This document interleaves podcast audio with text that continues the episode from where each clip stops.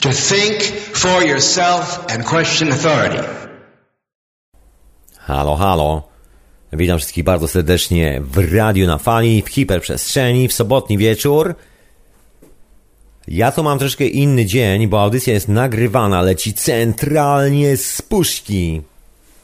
Bo tak się złożyło, że nie mogę być o tej samej porze przy mikrofonie, czyli w sobotę, dlatego, dlatego słuchacie audycji z puszki. Także witam Was wszystkich bardzo serdecznie, witam Ciebie słuchaczko i Ciebie słuchaczu. Witam wszystkich słuchaczy z Radia Paranormalium, które retransmituje hiperprzestrzeń. Pozdrawiam wszystkich mecenasów Radia na Fali. Peace and love, kochani. Przepraszam za to, że mecenasi wpłacający wsparcie dla Radia na polskie konto jeszcze się nie pojawili na stronie Radia na Fali. Przepraszam Was, kochani, jeszcze nie dostałem tych wszystkich informacji, także nie mogę Was jeszcze wymienić z imienia, nickname'u, i podziękować Wam tak normalnie po ludzku. Jeszcze czekam na te informacje, także dajcie mi parę chwil.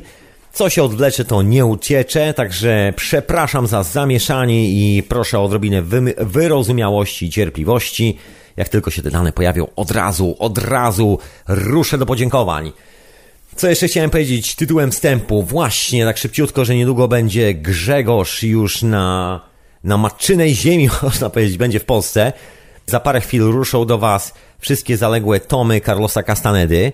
Jak nic, czyli prezent od Radia na Fali. Za wspieranie Radia na Fali, prosto od radia, prosto dla Was. Właściwie za prezentami stoi Grzegorz, nie kto inny. To on wpadł na ten pomysł, to on to zorganizował i to jemu należy się dziękować i to jemu należy się kłaniać. Ja tu tylko tak do skoku, że tak powiem, dochodzę i spijam śmietanę z tego tortu, a właściwie zżeram wisienkę poniekąd.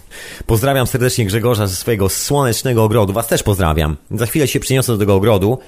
Zobaczymy, jak mi się tam będzie nagrywało. A co dzisiaj w hiperprzestrzeni? Dzisiaj chcę się zastanowić troszeczkę nad kwestią szkoleń, nad kwestią prelekcji, nad kwestią różnych koncepcji, które się pojawiają dookoła, a głównie w internecie, właściwie za pomocą internetu, bo internet stał się takim konkretnym medium, które przerosło te wszystkie mainstreamowe bullshity, jak ja to nazywam, czyli wszystkie te historie, które są skorumpowane nieprzeciętną cenzurą.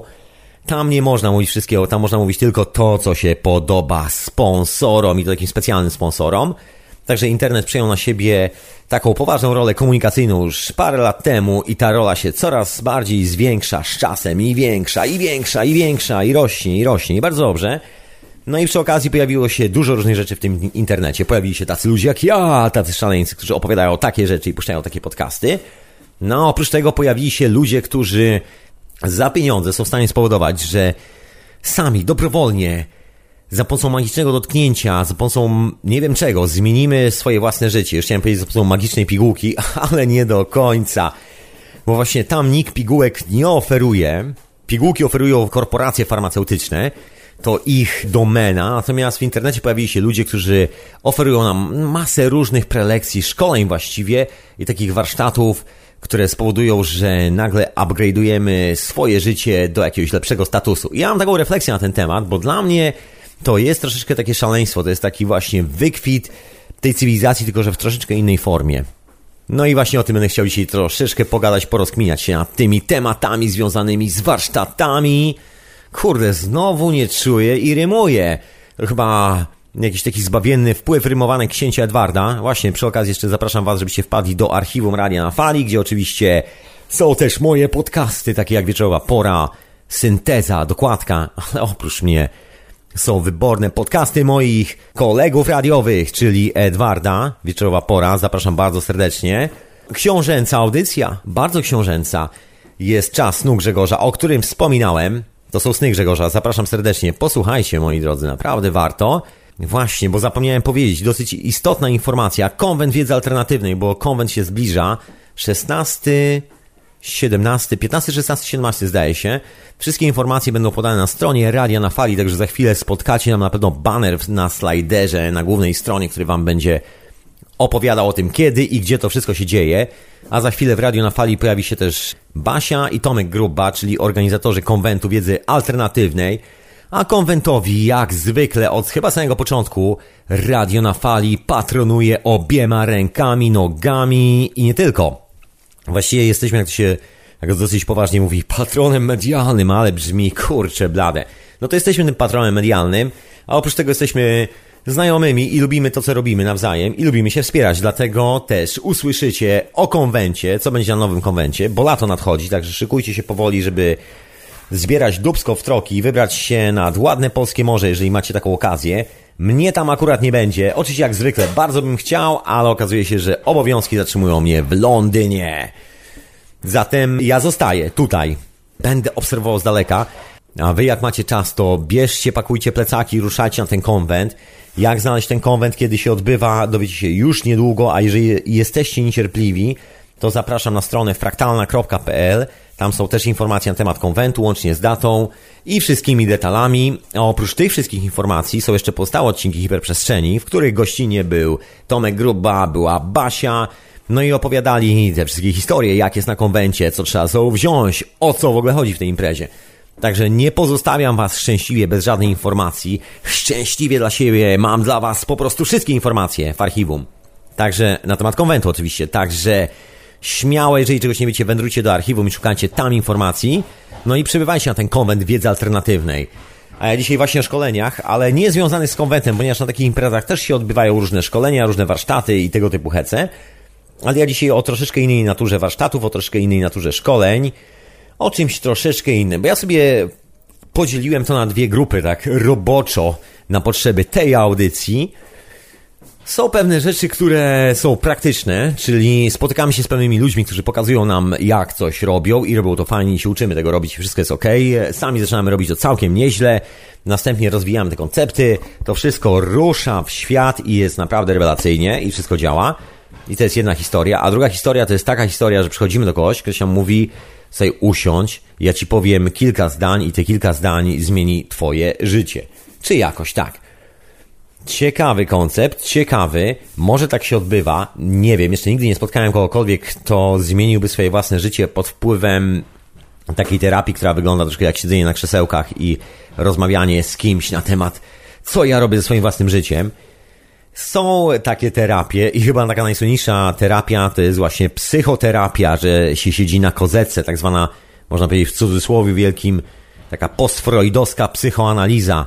Siada się, albo się kładzie, lekarz siada obok, udaje, że się interesuje naszym życiem, a my mówimy, mówimy, mówimy, spowiadamy się, spowiadamy się z tego, że się źle czujemy i ponoć po tym spowiadaniu się, że się źle czujemy, mamy wrócić do siebie i mamy zostać mądrymi, odpowiedzialnymi, dobrze czującymi się ludźmi ze sobą samymi. Wygląda bardzo różnie. Z reguły te terapie polegają na ciągnięciu kasy od klienta przez całe jego życie, przynajmniej tak długo jak ma siłę, żeby się zlec z wyra, wyciągnąć portfel i zapłacić temu lekarzowi za tą wizytę. Tylko pod tym warunkiem. Natomiast z drugą stroną, jak za bardzo nie chce działać, a jest kilka bardzo ciekawych koncepcji, kilka bardzo ciekawych terapii, które właściwie są rozdawane za darmo wszędzie na świecie, o których informacja jest ogólnie dostępna, aczkolwiek nie są one preferowane, ponieważ tam jest ten podstawowy problem, że właściwie odcina tak zwanego lekarza od źródła dochodu, ponieważ pacjent na nieszczęście współczesnych lekarzy staje na nogi, wraca do zdrowia i nie ma ochoty wracać do gabinetu lekarskiego i płacić za kolejne wizyty. No i to jest taki właśnie problem współczesnej historii związanej z tym, jak się sami leczymy, jak podchodzimy do swojego zdrowia psychicznego, do wielu, wielu, wielu, wielu, wielu, wielu spraw. Jak do tej pory ustanowiliśmy taką cywilizację, która robi wszystko na zasadzie abonamentu, czyli płacimy komuś abonament z obietnicą tego, że kiedyś, z reguły w niedługiej przyszłości, przynajmniej tak staramy się o tym myśleć, wyprostuje nasze życie, postawi nas na nogi i sami też wierzymy, troszkę budując tą cywilizację, że pewnego dnia wszystkie te cywilizacyjne hoski, klocki, nowe wynalazki, nowe rzeczy, nowe odkrycia, politycy, nowe prawa, nowe armie, nowe zasady spowodują, że wyprostuje się nasze cywilizacyjne życie, że cała cywilizacja się wyprostuje, że będzie wszystko ok. Musimy jeszcze tylko troszeczkę powalczyć, spalić trochę ropy, wykonać kilka innych ruchów i wszystko będzie lepiej. Nie wiem, czy tak będzie, na czym się nie spodziewał, nie stawiałbym na taki, że tak powiem, rozwój sytuacji. Podobnie jak w przypadku właśnie owych szkoleń i owych warsztatów, też nie stawiałbym na taki rozwój sytuacji. Myślę, że te paterny, które w sobie nosimy, historie, które odpowiadają za nasze relacje ze światem zewnętrznym, są schowane troszeczkę głębiej i takie warsztaty, które polegają na właściwie operowaniu schematami, że ktoś kiedyś wymyślił schemat, że jeżeli człowieka ładuje się w taką, a nie inną sytuację, towarzyską, w jakiejś grupie, albo tylko i wyłącznie z terapeutą, to doprowadzi się go do jakiejś sytuacji, gdzie stanie pod ścianą, albo przynajmniej się poczuje, że stoi pod ścianą i będzie musiał wypluć z siebie te wszystkie złogi tych paskudnych emocji i to wystarczy. I ten poziom jest absolutnie zadowalający. Okazuje się, że nie do końca. Nie do końca, a właściwie to nawet chyba ten poziom, o którym mówimy, czyli taki poziom z kozetki, gdzie opowiadamy lekarzowi, że ach, ktoś nas zdenerwował, bo zaparkował na naszym miejscu, a my chcieliśmy tam zaparkować samochód i cofamy się z tym wspomnieniem do czasów, kiedy byliśmy małym chłopcem i mama nas zbiła, gdzie odstawiliśmy rower albo coś w tym stylu. Nie wiem, czy to naprawdę pomaga, nie wiem, czy to jest tędy droga. Na pewno na bazie tych wszystkich historii powstała potężna gałąź przemysłu, który się aktualnie nazywa psychiatrią, psychologią, bo to jest właściwie gigantyczny przemysł, który bazuje na tym, że no wszyscy mieszkamy w patologicznej cywilizacji, o czym naprawdę nie będę tu chyba dużo mówił, bo i tak często o tym opowiadam. I z tej okazji wszyscy jesteśmy troszkę trzepnięci w nie w tą stronę, w którą powinniśmy. No i efekt jest taki, jaki jest, że jest zapotrzebowanie na rodzaj biznesu, który sprzedaje nam obietnicę tego, że będzie wszystko ok, że będzie wszystko ok, że już nigdy nie będzie źle, że zawsze będziemy czuli się dobrze. I stąd się biorą wszystkie te szalone historie. Oczywiście jest to takie, jak się po angielsku mówi, temporary, czyli po polsku tymczasowe rozwiązanie, właściwie bazujące tylko i wyłącznie na tym momencie, kiedy mamy pod ręką suto wypchany portfel dolarami nie alufelgami, ale dolarami. Nie wiem, czy lekarze przyjmują alufele, ale dżiny i pas, ale na pewno przyjmują dolary. Także, no i inne waluty. Także tak długo jak mamy w kieszeni zasoby finansowe, tak długo ten system działa. No ale co się dzieje, kiedy, kiedy system nie działa, kiedy naprawdę jesteśmy skonfrontowani z jakimiś bardzo poważnymi problemami w sobie, które już wiemy, że są w nas, już zidentyfikowaliśmy źródła tego problemu i teraz jak się tego pozbyć? Jak wyrzucić to z siebie? No, ja jestem zwolennikiem takich bardzo prostych terapii, bardzo rdzennych terapii, które mają tysiące lat, są tak samo stare jak my, jako istoty na tej planecie. I wcale nie widzę specjalnego powodu, dla którego miałbym od tych terapii uciekać i wymyślać sobie jakieś nowe teologiczne konstrukcje, po to tylko, żeby nie skorzystać z czegoś, co działa. Haha. No ale to moje podejście, o którym też zresztą dzisiaj troszkę wspomnę, jak zwykle. Tu dziękuję bardzo serdecznie wszystkim słuchaczom, wszystkim Wam wysyłającym maile do Radia na Fali. Dzięki wielkie. Bo właśnie w tych mailach jest troszeczkę takich historii, opowieści, bo część z nas, nie tylko ja, ale część z Was, drodzy słuchacze, myślę, że doskonale wiemy o kim mowa, postanowiło wziąć swój własny los w swoje własne ręce. Niech się daje parafrazować polityków, którzy mówią o braniu losu we własne ręce, swojego własnego.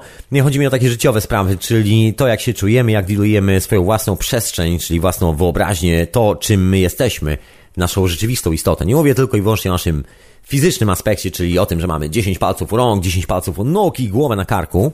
Nie, nie, nie. Mówię o tym, co jest w głowie, o tym, co jest w sercu. No ale to wszystko się wyjaśni po drodze. Wszystko się wyjaśni po drodze.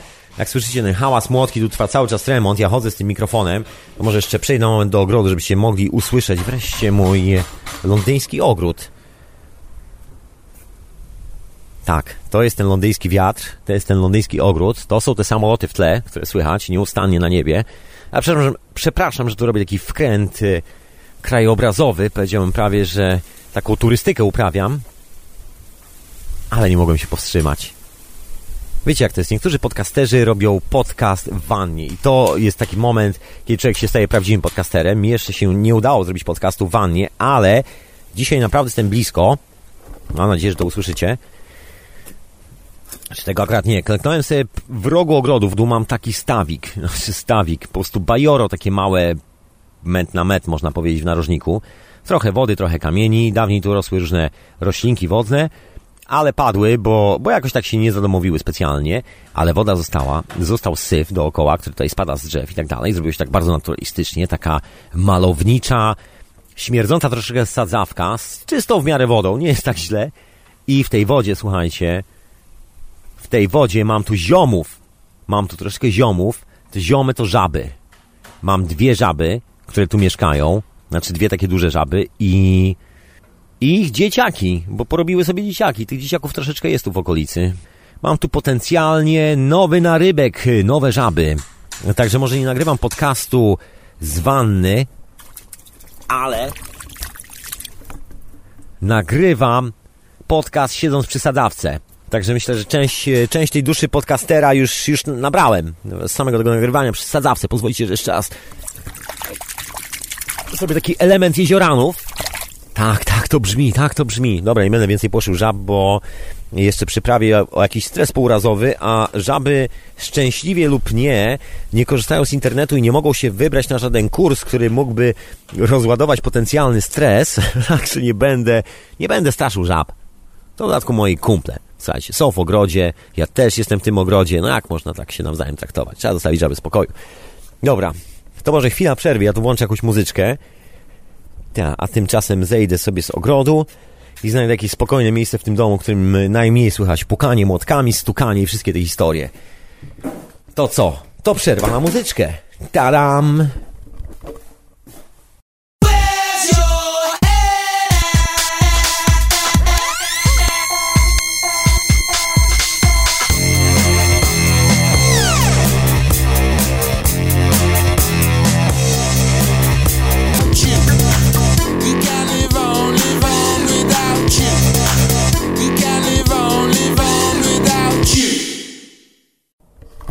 A wysłuchać oczywiście radia na fali, hiperprzestrzeń, ja na imię Tomek, a dzisiaj audycja jest z puszki, także nie możecie zadzwonić, nie mam mnie przy mikrofonie w tą sobotę, jestem zupełnie w innym miejscu. Tadam, pozwólcie, że zrobię sobie takie jeziorany, bo ja to nagrywam chodząc sobie po domu za pomocą przenośnego sprzętu nagrywającego i z tej okazji jestem w stanie zrobić mikrosłuchowisko radiowe pod tytułem Jak Tomek nalewa sobie kawę. Także pozwolicie, że sobie tutaj naleję troszeczkę świeżo zaparzonej kawki. Taki, wiecie, wolny, swobodny odcinek. Także będę się tu plątał, troszeczkę krzątał i będziecie słyszeli całą tą historię, która się tu dzieje. Dobra, ale wracajmy do tej całej opowieści, bo tak zacząłem o tych szkoleniach, o tych warsztatach. I może zacznę takiego wątku cywilizacyjnego. Pierwszego wątku cywilizacyjnego. Się muszę rozgadać chyba jakoś. To przez te piękne słońce jestem tak leniwy, że najchętniej to teraz jak zwykle jakiś leżak. Właściwie bez leżaka, po prostu na trawę, na trawę. Ale spokojnie, spokojnie. Jestem tu z wami. O właśnie. Życie w Londynie. Nie mogę wam oszczędzić tych dźwięków. I tak to właśnie brzmi. Czasami. Szaleństwo dużego miasta, co tu dużo mówić. Ale wracajmy do tematu. Dobra, ja się przestanę może krzątać, bo tak się krzątam, krzątam, zamiast stanąć w jednym konkretnym miejscu i się troszkę rozpraszam. Dobra, to się... To się może oprę o tą szafeczkę, wezmę sobie kawkę do ręki i już mówię o pierwszym czynniku cywilizacyjnym. Tak przyglądając się na samą kwestię edukacji, bo właściwie chyba od tego powinienem wyjść, jeżeli spojrzymy na naszą cywilizację, tak szczęśliwie jestem po, po serii podcastów Synteza, które możecie sobie ściągnąć z archiwum Radia na Fali, o wolnej energii i nie tylko, i o prawach fizyki, o prawach naturalnych i o wielu, wielu odkryciach, o których nam się oficjalnie nie mówi, bo nikt nie chce o tym mówić za bardzo, uczy nas się zupełnie innych rzeczy. I taki właśnie element cywilizacyjny numer jeden – Czyli, że pobieramy edukację, która właściwie nie ma nic wspólnego z rzeczywistym obrazem rzeczywistości. No mało, że do pewnego stopnia wyjaśniamy pewne zjawiska naokoło, przynajmniej tak nam się wydaje, że je wyjaśniamy, właściwie chyba bardziej je opisujemy i interpretujemy według współczesnej teologii, według współczesnej religii, o czym myślę mówiłem nie raz, nie dwa. No i efekt jest taki, że właściwie nikt nie ma żadnej wiedzy. W praktyce wygląda to dokładnie tak, że po szkole której człowiek spędza kawał życia, okazuje się, że nic w tej głowie nie zostało. No ile wam zostało po szkole?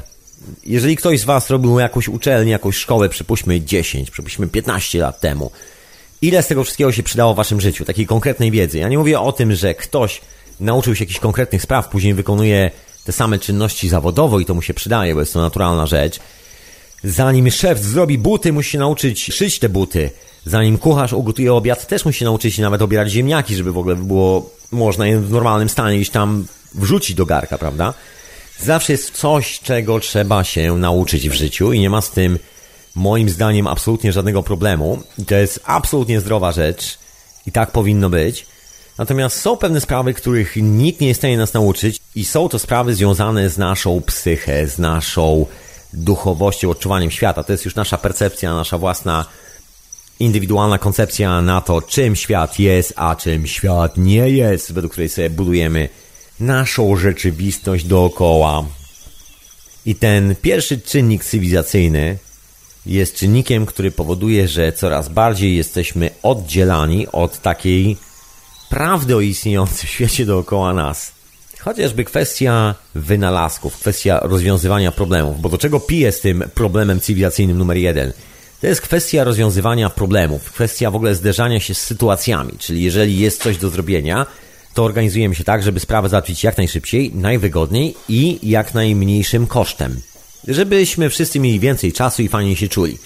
Jak widać, ta cywilizacja jeszcze do tego nie do końca dorosła, jeżeli w ogóle dorosła, bo te wszystkie rozwiązania technologiczne, cudowne rozwiązania, które tam parkują od ponad 100 lat, w ogóle niezbyt chętnie są dotykane. No żyjemy w troszkę czasach, które się szczęśliwie dla nas zmieniają.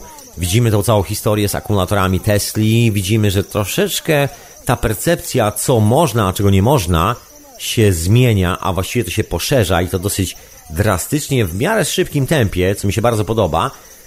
No i to, że tak powiem, podejrzewam, pewnego dnia odbije się naszej percepcji, takiej w środku naszej głowy.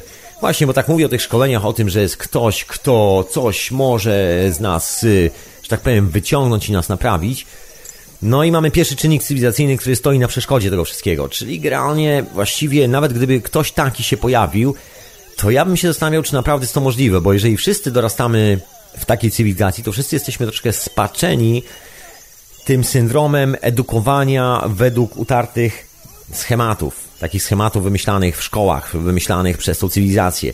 I może być tak, że starając się nauczyć kogoś czegoś, właściwie nikogo niczego nie uczymy, a jedyne co robimy, to przekazujemy właściwie jakiś kawałek paternu z tej rzeczywistości, w której dorastaliśmy. Sami w ogóle nieświadomie przekazujemy jakiś element wspomnień ze swojego własnego dzieciństwa. O tyle, o ile my czuliśmy się z tym elementem i dalej się czujemy doskonale, jest to nasze dzieciństwo, jest to fantastyczne wspomnienie, o tyle ten element prawdopodobnie nie zadziała z osobą, która stoi naprzeciwko nas, ponieważ ona ma swoje własne dzieciństwo i swoje własne elementy, z którymi czuje się dobrze. To jest ta klasyczna historia którą można zamknąć w opowieści o numerze buta, że każdy ma swój własny rozmiar stopy i nie może być tak, że wszyscy chodzą w tym samym rozmiarze buta, bo oni się po prostu nie da. Każdy jest indywidualny. I tak samo jest, myślę, z tymi myślami w głowie, które nam tam kursują, z tymi wszystkimi historiami związanymi właśnie procesowaniem rzeczywistości. Mądrze zabrzmiało procesowanie rzeczywistości. No z tym jak żyjemy, no po prostu zwyczajnie, z tym jak podejmujemy sprawę, podchodzi nas koleś, mówi coś i e, teraz jest pytanie, jaka będzie nasza reakcja na to, co ten gentleman mówi. Czy będziemy nerwowi, czy będziemy sympatyczni, czy będziemy nostalgiczni, jacy będziemy. Bo od naszego zachowania poniekąd zależy, jak ta sytuacja się potoczy. Chociaż ona teoretycznie się wydarzyła wcześniej, ale to, co my robimy z tą sytuacją, nadaje jej ten ostateczny kształt. To jest właśnie to, co wydarzyło się wcześniej, a my w tym momencie to robimy. I teraz jest pytanie, czy chcemy, żeby wydarzały się same dobre rzeczy? No właśnie, no oczywiście, że chcemy, żeby wydarzały się same dobre rzeczy, to nawet nie będę kwestionował tego pytania. I pytanie jest, czy jesteśmy w stanie za pomocą narzędzi, które pochodzą z tego toksycznego świata, z tej toksycznej cywilizacji, w jakikolwiek sposób zbudować coś e, konstruktywnego w naszym życiu.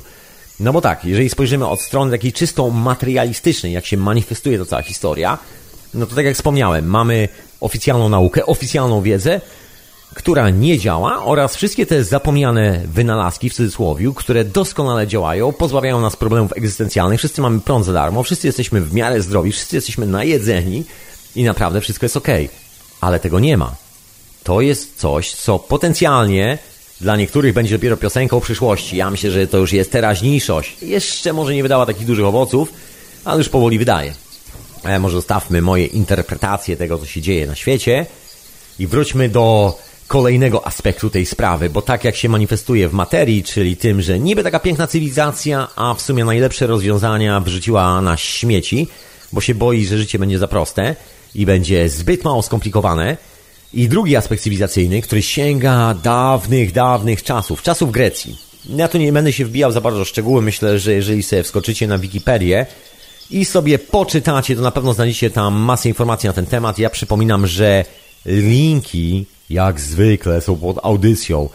Dokładnie w tym samym miejscu, z którego możecie ściągać hiperprzestrzeń, czyli radionafali.com, archiwum Radia na Fali, czyli audycje i podcasty. I tam sobie pościągajcie, pościągajcie, jak sobie wejdziecie, to oprócz tego, że możecie sobie pościągać, no to macie linki do tych wszystkich tematów, o których opowiadam. Także pod audycją wszystkie te historie. Linki będą także pod tym odcinkiem, także drogi słuchaczu, który słuchasz tego gdzieś z dala od komputera, gdzieś w słuchawkach, mknąc przez świat, wpadnij po prostu później na stronę radia i sobie poklikaj po tych linkach. Ja tutaj oszczędzę troszkę tych technicznych historii. I łyknę sobie kawki. O, skoro już tak nagrywam, takie jeziorany, jestem tu w kuchni, pamiętam się pomiędzy garkami, patelniami, ogrodem i hałasem, to niech już będzie kuchenna atmosfera. A co? I wracając do historii z Grekami, bo tego tyczy się drugi problem cywilizacyjny, który jest bardzo ciekawą historią moim zdaniem. Dotyczy on kwestii przekazywania wiedzy.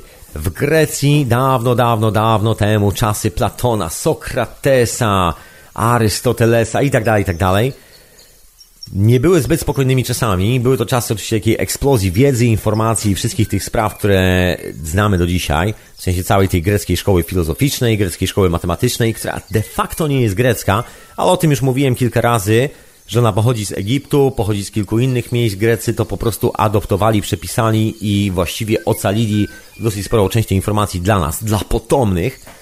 No i tam w momencie ocalania tej informacji, przepisywania, powstały pewne perturbacje. A jakie to były perturbacje? Tym problemem cywilizacyjnym numer dwa było podejście do wiedzy. Przede wszystkim elementarna historia, która była związana z przekazywaniem wiedzy w miejscach, skąd oryginalnie wzięli ją Grecy. Ona zawsze była za darmo. Szkoła nigdy nie kosztowała. Wiedza dla tych, którzy chcieli ją zdobyć, była zawsze za darmo. Nie było obowiązku edukowania się. Edukacja nie zmieniała statusu społecznego, no tyle o ile zmieniała status rozmówcy względem swojego przedmówcy. Co najwyżej można było powiedzieć, że człowiek jest łebski i się czegoś nauczył. I do tego się to sprowadzało. Natomiast nie stanowiło to o jego statusie w społeczeństwie. Nie stanowiło to o tym, że będzie jadał lepiej, więcej i jeździł większą bryczką. Nic z tych rzeczy. Po prostu był lepiej wyedukowany, a wręcz odwrotnie. Właściwie dzięki tej edukacji nosił na sobie troszkę większą odpowiedzialność za dealowanie tej rzeczywistości. Jeżeli był wychowany w takiej klasycznej, alchemicznej, można powiedzieć, gnostycznej szkole, hermetycznej, no to normalne było to, że za bardzo się materią nie interesował, ponieważ doskonale sobie zdawał sprawę z tego, że materia bierze się z tego niewidocznego pola i że to, co my nazywamy już przedmiotami, pozwólcie, że zapukam w lodówkę, taki duży przedmiot, jest już efektem materializujących się mocy mocy eterycznych. Także tam było troszkę inne podejście do tego. Zupełnie inne. My, tak jak myślę doskonale wszyscy wiemy, nie uznajemy oficjalnie istnienia eteru i wszystkich tych mocy. To jest w ogóle zabronione przez naukę, zabronione. No i problem cywilizacyjny, który tam wystąpił, ten ów drugi problem w mojej audycji, to był problem z pobieraniem opłat za wiedzę. Doszło do dużych zamieszek w Grecji. Nie wiem jak dużych, nie wiem jak małych, bo historia nie spisała dokładnie wszystkich tych rzeczy w detalach, no ale wiemy, że było mocne zamieszanie i szkoły się, że tak powiem, rozdzieliły. Jedni proponowali zostanie przy oryginalnej tradycji, czyli wiedza jest za darmo dla każdego chętnego. Czyli jeżeli droga słuchaczko i drogi słuchaczu chcecie się czegoś dowiedzieć i ktoś ma czas, to nie ma problemu, chętnie wam poda to dalej, wy podacie to dalej i w taki oto sposób każdy ma otwarty dostęp do informacji. Można powiedzieć, że dzisiejszą wersją takiej oryginalnej greckiej szkoły są patenty i dokumentacje open source, czyli otwarte, z możliwością korzystania z tego przez wszystkich zainteresowanych bez żadnych licencji, żadnych dodatkowych opłat. Jeżeli ktokolwiek czuje się na siłach, chce podjąć temat, proszę bardzo, zapraszamy serdecznie. Oto dokumentacja, rób co chcesz. I dokładnie tak była skonstruowana pierwsza oryginalna grecka szkoła. Później pojawiła się historia związana z płaceniem. I tu się, że tak powiem, filozofia rozdzieliła. To też był taki problem natury filozoficznej, czy wiedza powinna kosztować, czy nie. Moim zdaniem ten moment, kiedy w Grecji zaczęto pobierać opłatę za wiedzę i zaczęła być właśnie ową nauką hermetyczną, ale nie w znaczeniu hermetyczności takim duchowym, czyli że jest to taka skompresowana wiedza kompleksowa o istnieniu całego świata, tylko zaczęła być hermetyczna pod względem dostępu, co oznacza troszkę coś innego moim zdaniem. No i niestety to coś innego nie ma, nie ma pozytywnej konotacji, nie ma żadnych pozytywnych aspektów. Efekt był taki, że koniec końców Grecja z miejsca, które było no takim bardzo intelektualnym miejscem, można powiedzieć kolebką cywilizacji, jak niektórzy nazywają, przynajmniej takim przejściowym miejscem, gdzie część dokumentacji się przewalała i dzięki temu ocalała, bardzo szybko straciła swój status. Bardzo szybko okazało się, że właściwie ta komercjalizacja wiedzy i to, że ona nie jest dana nam tak sobie, tak zwyczajnie, tak jak dobra intencja, jak spotkanie z ludźmi, jak podanie komuś ręki, jeżeli tego potrzebuje i tak dalej, i tak dalej, doprowadziła do polaryzacji sił pomiędzy księstwami, pomiędzy władcami. Efekt był taki, że Grecję ogarnęły wojny domowe, wykorzystali to Rzymianie i wszyscy inni sąsiedzi dookoła. Efekt był taki, że po prostu Grecja i cała jej, że tak powiem, myśl zniknęła z powierzchni ziemi. Tam później było kilka traktatów napisanych właśnie dlaczego tak się stało. Ja tu obstawiam, że powodem było to, że wiedza się skomercjalizowała i efektem komercjalizacji była agresja, taka zwyczajna agresja, bo ktoś chciał mieć więcej, nie miał tego więcej, więc musiał zdobyć to więcej, a żeby no właśnie, a żeby zdobyć, to trzeba komuś spuścić łomot. No i cała ta zabawa w grę, w zależności, kto komu jest co winien i ile co ma kosztować. I komu trzeba zapłacić za to wszystko oczywiście. I że jest taki ktoś, komu trzeba za to wszystko zapłacić.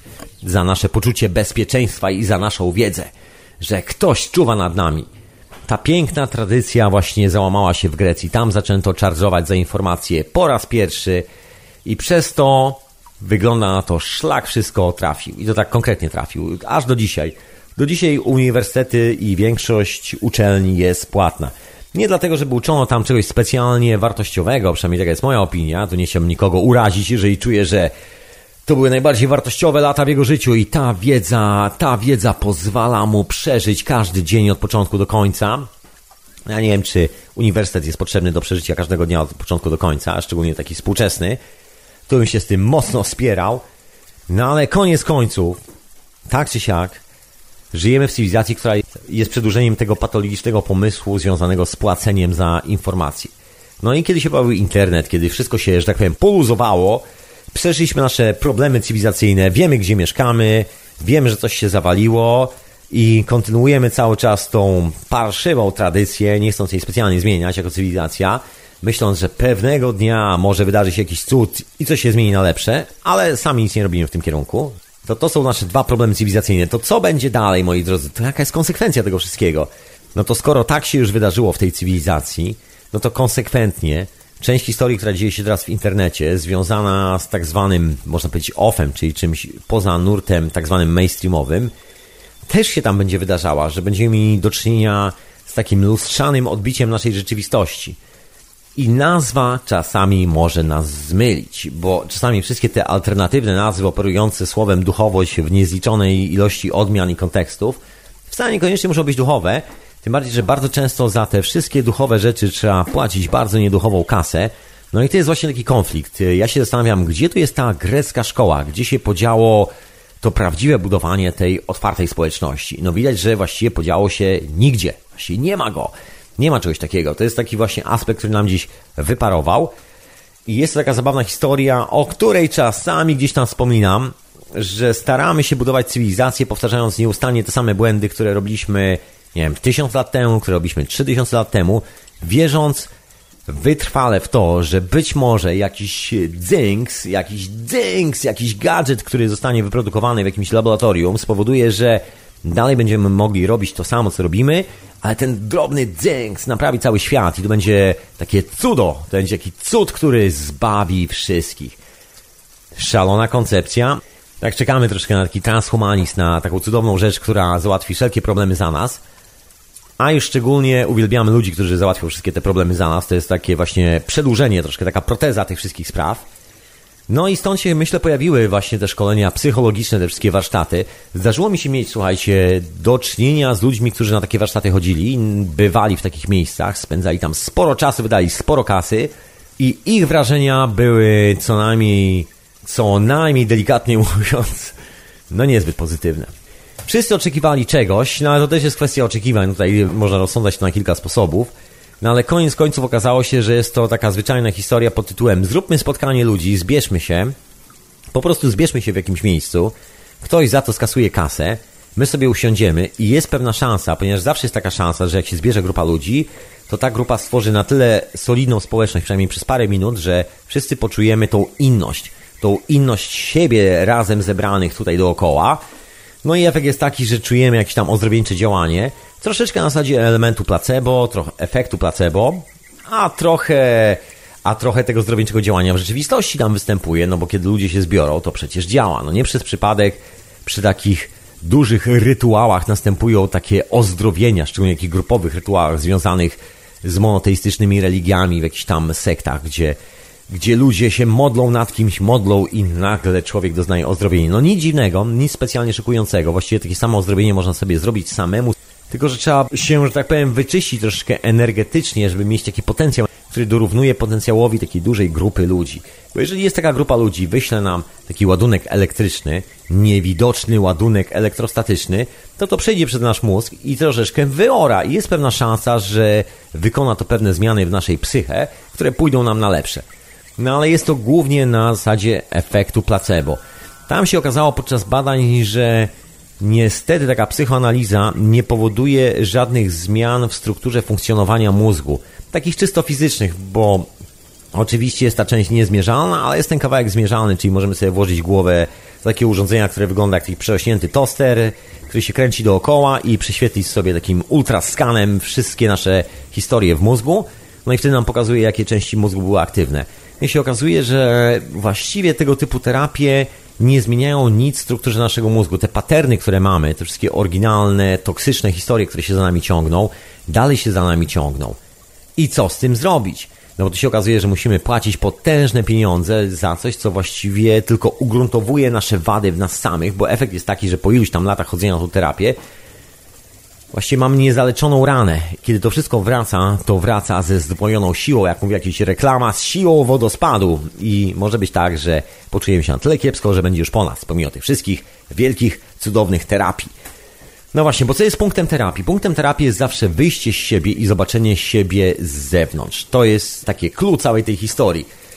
Przynajmniej tak się przyjmuje. No ja też w to wierzę, też jestem wyznawcą tej koncepcji, żeby, że tak powiem, siebie wyleczyć, to dobrze jest wiedzieć, kim się jest i na co się choruje i co w ogóle w naszej głowie funkcjonuje. Jako takie, jako myśl, która zaraża całą naszą rzeczywistość, którą sobie tutaj konstruujemy w tym życiu. To chyba czas najwyższy, żebym powiedział troszeczkę o pigułkach i o tym, że poza takimi terapiami wymyślonymi przez tą cywilizację, które właściwie są tylko i wyłącznie takim lustrzanym odbiciem patologii, w których funkcjonujemy i właściwie ich jakakolwiek funkcja medyczna jest głęboce dyskusyjna. Co poza tym, bo mamy, mamy coś takiego jak ową magiczną pigułkę, magiczne coś, co powoduje, że faktycznie stawia nas na nogi. Ciekawe, ciekawe. Ale to może po muzyce, ja sobie wyjdę do ogrodu, zrobię sobie lekką pauzę, popiję sobie tej kawki.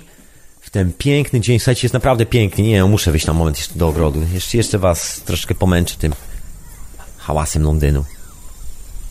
Jak już robi słuchowisko, to już na maksa, prawda? W końcu niech będzie taka jedna hiperprzestrzeń, która brzmi troszeczkę jak Londyn. Nawet nie trochę, tylko brzmi jak Londyn, tak w całości, bo w sumie jest to nagrywana. I to jest dźwięk tego miasta. A ja zapraszam na jakąś muzyczkę, a wysłuchacie Radia na Fali, Hiperprzestrzeni. Ja mam na imię Tomek, a audycja dzisiaj z Puszki.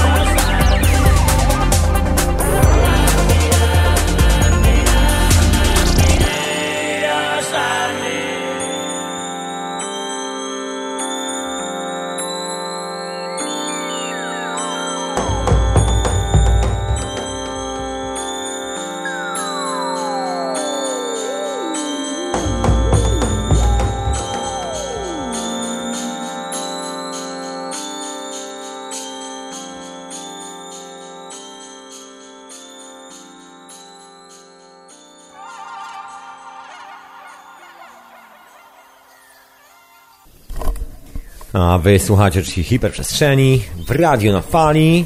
Dzisiaj tak trochę nietypowo, słychać trzaski z mikrofonu, słychać różne dźwięki, bo dzisiaj takie troszkę jeziorany i nagrywane w troszkę inny sposób. Tak jak wspominam, tutaj bujam się po chacie i po ogrodzie, w to i w tamto, snując swoje rozważania.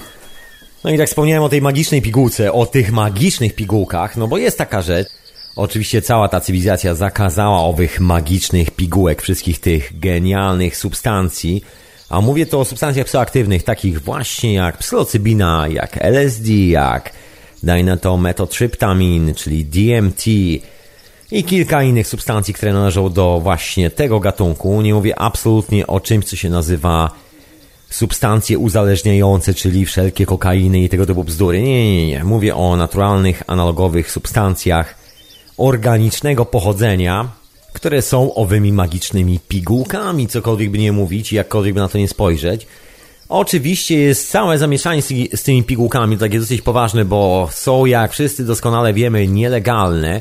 I myślę, że gigantyczna część tego biznesu, która jest oparta na naprawianiu nas samych, na robieniu z nas kogoś lepszego, właściwie funkcjonuje w dużej mierze tylko i wyłącznie dzięki temu, że nie mamy dostępu do tych naturalnych substancji, które nastawiają na nogi, które są naszym interfejsem z mamą naturą, bo są po prostu nielegalne i w ramach takiej protezy, no bo ciągle mamy to nasze zgięcie cywilizacyjne, chociażby kwestia wstawania rano, które naprawdę nie jest zdrowe, o czym nieraz mówiłem, kwestia deprawacji snu, jakości jedzenia, milion innych rzeczy dookoła. Myślę, że wszyscy doskonale to znamy na pamięć, także nie będę was tu zamęczał no generalnie efekt jest taki, że tak czy siak musimy się stawiać na nogi i jako, że rzeczywiste stawianie się na nogi okazuje się po prostu nielegalne. Nielegalnie jest czuć się dobrze, nielegalnie jest być zadowolonym człowiekiem, przynajmniej tak po prostu sam z siebie. Oczywiście, jeżeli się cieszymy, jesteśmy zadowoleni z tego tytułu, że zarobiliśmy furę pieniędzy, zrobiliśmy jakiś mega deal, wtedy jest ok cywilizacyjnie, wtedy jesteśmy akceptowani. Natomiast w drugą stronę jest tak, troszeczkę bym powiedział różnie. Sprawa jest zawsze dyskusyjna ale wracając do tej protezy, bo to najistotniejsza rzecz w tym wątku, wydaje mi się, oczywiście nie może mieć tu racji, że znakomita część tych szkoleń, tych warsztatów to są tylko i wyłącznie protezy na te rzeczywiste ceremonie. Kiedyś o tym wspominałem, mówiąc o bębenku, o tym jak istotną rolę pełni przy na przykład takiej ceremonii spożywania kaktusa peyote i nie tylko, przy kaktusie peyote, no i jak jest dziwnie używany przez ludzi, którzy właściwie nigdy z kaktusem peyote do czynienia nie mieli. To już nawet nie chodzi o kaktusa peyote, chodzi o w ogóle substancje psychoaktywne. Bo tak wspomniałem, że trzeba stanąć o, obok nas.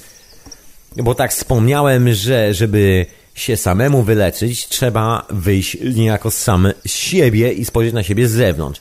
Więc o co chodzi z tymi substancjami? Myślę, że wielu użytkowników doskonale wie o co chodzi, jeżeli Droga słuchaczko i drogi słuchaczu, nie używaliście nigdy tych substancji, nie mieliście z nimi do czynienia, no to szybko tutaj mówię, takim bardzo wielkim telegraficznym skrócie, że są to substancje, które wysyłają nas y, z naszego ciała do innych lokacji. I taką standardową rzeczą jest to, że widzimy swoje problemy z dystansu, widzimy z boku wszystkie te sprawy, widzimy siebie z boku. I to już nie jest koleś, z którym jesteśmy sklejeni o którego trzeba walczyć, o którego trzeba zabiegać, który jest bardzo ważny, jest najważniejszy na świecie, to już jest koleś, którym, którym żyjemy w tym życiu i tak się patrzymy na jego życie, na siebie, jak manipulujemy tym gentlemanem, którym jesteśmy, co nim wyczyniamy w świecie dookoła. I to jest, jak się okazuje, jedyna skuteczna metoda, żeby się czegokolwiek nauczyć. Chodzi o taki tajemniczy, niewidoczny feedback tych wszystkich informacji. To, że jedne rzeczy robimy, a drugie rzeczy myślimy. I ten tajemniczy moment, kiedy wyskakujemy spoza siebie, jest tym momentem, kiedy te dwa stany się synchronizują wręcz idealnie. Jesteśmy dokładnie tym, czym myślimy. I mam jeszcze świadomość tych wszystkich myśli po drodze. I nagle zauważamy, że kiepska myśl powoduje bardzo kiepskie życie, że dobra myśl powoduje bardzo dobre życie. I zaczynamy przykładać to do tej postaci obok. I tak się patrzymy na tą postać obok, no i wiemy już mniej więcej o co tam w tym całym zamieszaniu chodzi, wiemy czego nie robić, wiemy co robić. I tutaj niestety nie mogę Wam powiedzieć, co robić, a czego nie robić i co widzimy w takiej sytuacji, ponieważ jest to tak indywidualna historia, że tutaj nie ma takiej opcji, że ja na przykład coś Wam powiem i ktoś z Was będzie mógł za pomocą, nie wiem, ćwiczeń, jakiejś metodologii zbudować sobie trajektorię lotu przez życie, tak żeby wszystko było szczęśliwie i wszystko było super. Niestety nie posiadam takiej mocy. Obawiam się, że nikt na świecie nie posiada takiej mocy w stosunku do naszego własnego życia. Jedyną istotą, która posiada tą cudowną, zbawczą moc naprawiania istoty ludzkiej jest właśnie owa istota ludzka, która jest zepsuta. Czyli jeżeli nie wychodzi to z nas samych, jeżeli sami nie skonfrontujemy się z tą fizyczną manifestacją, tak postawioną troszeczkę obok, tak żebyśmy mogli z dystansu spojrzeć na wszystkie ruchy, które wykonujemy w swoim własnym życiu, może być poważny problem, żeby to załapać. Ponieważ no, większość tych szkoleń, tych dziwnych warsztatów, których ja za bardzo nie trawię, oczywiście nie chciałem tu wszystkiego wrzucać do jednego worka, absolutnie, ponieważ są warsztaty, są zajęcia, które naprawdę mają sens, ręce i nogi i to bardzo poważne i świetnie ludziom pomagają, ale znakomita część tego wszystkiego jednak bazuje tutaj na po prostu szalbierstwie, takim mocnym szalbierstwie, gdzie się bierze kwestie materialne i stara się czeka skleić z tym, żeby on jakoś jeszcze lepiej pożądał tych wszystkich materialnych historii, żeby afirmował tą materialną rzeczywistość i to uczyni go lepszym. Tam nie ma troszkę tego punktu wyjścia, moim zdaniem, właściwego. Punktu od wewnątrz, od samych siebie. Bo jeżeli do tej pory ktoś jest popsuty, a wiadomo, że wszyscy żyjemy w materialnym świecie, bardzo fizycznym, ja to mogę, mogę stukać po szafkach, walić po garkach, żeby udowodnić, jak bardzo materialny jest, ale myślę, że wszyscy doskonale sobie z tego zdajemy sprawę. I dziwne dla mnie jest to, że ktokolwiek próbuje nawracać świat, zaczynając od tej materialistycznej części. Szczególnie właśnie przy tych wszystkich historiach związanych z odmianą słowa oświecenie, duchowość, świadomość na wszelkie różne rodzaje, no tam to najbardziej szokuje, bo jeżeli ktoś akceptuje i rozumie ten koncept świata, który opiera się na tych siłach eterycznych, które są po prostu niewidzialne, to jakim cudem chce opierać swoją konstrukcję świata na materii? Przecież normalne jest to, że ta materia dopiero wynika z tego niewidzialnego świata, że trzeba się cofnąć nawet nie tyle do wspomnień z dzieciństwa, nie tyle się rozpłakać niczym pięcioletnie dziecko na terapii. Nie, nie, nic z tych rzeczy. Przynajmniej moim zdaniem. moim zdaniem trzeba wrócić troszeczkę głębiej i zobaczyć, kim się nie jest. I myślę, że to jest taka istota tej całej zagadki związanej z naprawianiem siebie samego. No ale to oczywiście moja taka własna koncepcja. No może nie tylko moja, bo w sumie koncepcja jest dosyć znana właśnie w tej części w cudzysłowie psychologii, która zajmuje się dealowaniem z owymi substancjami psychoaktywnymi. Jest to historia, która się dosyć często powtarza, jeżeli chodzi o relacje lekarzy i pacjentów, że właściwie dopiero w tym momencie, kiedy skonfrontowali się ze sobą samymi, tak w całości, bez sytuacji, że muszą opowiadać o sobie komuś, i zawsze mają ten punkt selekcji informacji, że są pewne rzeczy, których tak czy siak terapeuci nie powiedzą, a być może są to dosyć istotne informacje. Są też informacje, których nigdy nawet sobie sami nie powiedzą, bo właściwie wyparli je ze swojej własnej świadomości, zapomnieli o tym wszystkim. I to gdzieś tam parkuje w środku, cały czas męczy, ale wszyscy już o tym zapomnieli. Właściwie nikt nie wie, co tak naprawdę męczy. I cofanie się do tych wszystkich werbalnych wspomnień, bicie pokłonów do bycia jeszcze bardziej zorganizowanym człowiekiem z jeszcze lepszym planem na jutro, tutaj chyba nie za bardzo pomoże. Bo trzeba wykonać jakiś manewr, wręcz ekwilibrystyczny, żeby cofnąć się do samego siebie i znaleźć tą oryginalną refleksję, która stoi za tym kiepskim samopoczuciem. Oczywiście nie jest to tak bardzo popularne, jakby się mogło wydawać, chociaż bardzo wielu ludzi deklaruje, że gdyby tylko była taka możliwość, to bardzo chętnie wskoczyliby właśnie na tą drogę, bo skoro jest coś, co działa i jest coś, co działa rewelacyjnie, to przecież dlaczego z tego nie skorzystać? Ale się okazuje, że wbrew pozorom nie jest do końca tak, że wszyscy chcemy żyć w pięknym, cudownym świecie. Wielu z nas się najzwyczajniej w świecie obawia tego, że będzie fantastycznie, że będzie super, że nie będzie już problemów, że trzeba będzie zacząć żyć innym życiem. Tak długo jak dealują ze swoimi lękami, ze swoimi strachami, czują się bezpiecznie, ponieważ no, znamy swoje lęki, znamy swoje strachy, nie ma tam specjalnych tajemnic dla nas. Oczywiście poza tą jedną tajemnicą, jak daleko nas to zaprowadzi, jak bardzo nas to powykręca na koniec naszego życia i do jakiej ruiny psychicznej nas doprowadzi na sam koniec tej podróży. I to jest jedna rzecz, która właściwie chyba jest gwarantowana, że wiemy, że się będziemy kiepsko czuli. To jest jedyne, jedyne coś, jedyne coś, bo z tym dobrym samopoczuciem to różnie bywa. Mamy masę pojedzonek, które nam starają się wbić do głowy taki patologiczny punkt widzenia rzeczywistości, że, że tylko chwila w życiu jest piękna, że tylko moment, że życie jako takie jest zupełnie jakieś takie ciężkie. Nie sądzę, nie sądzę.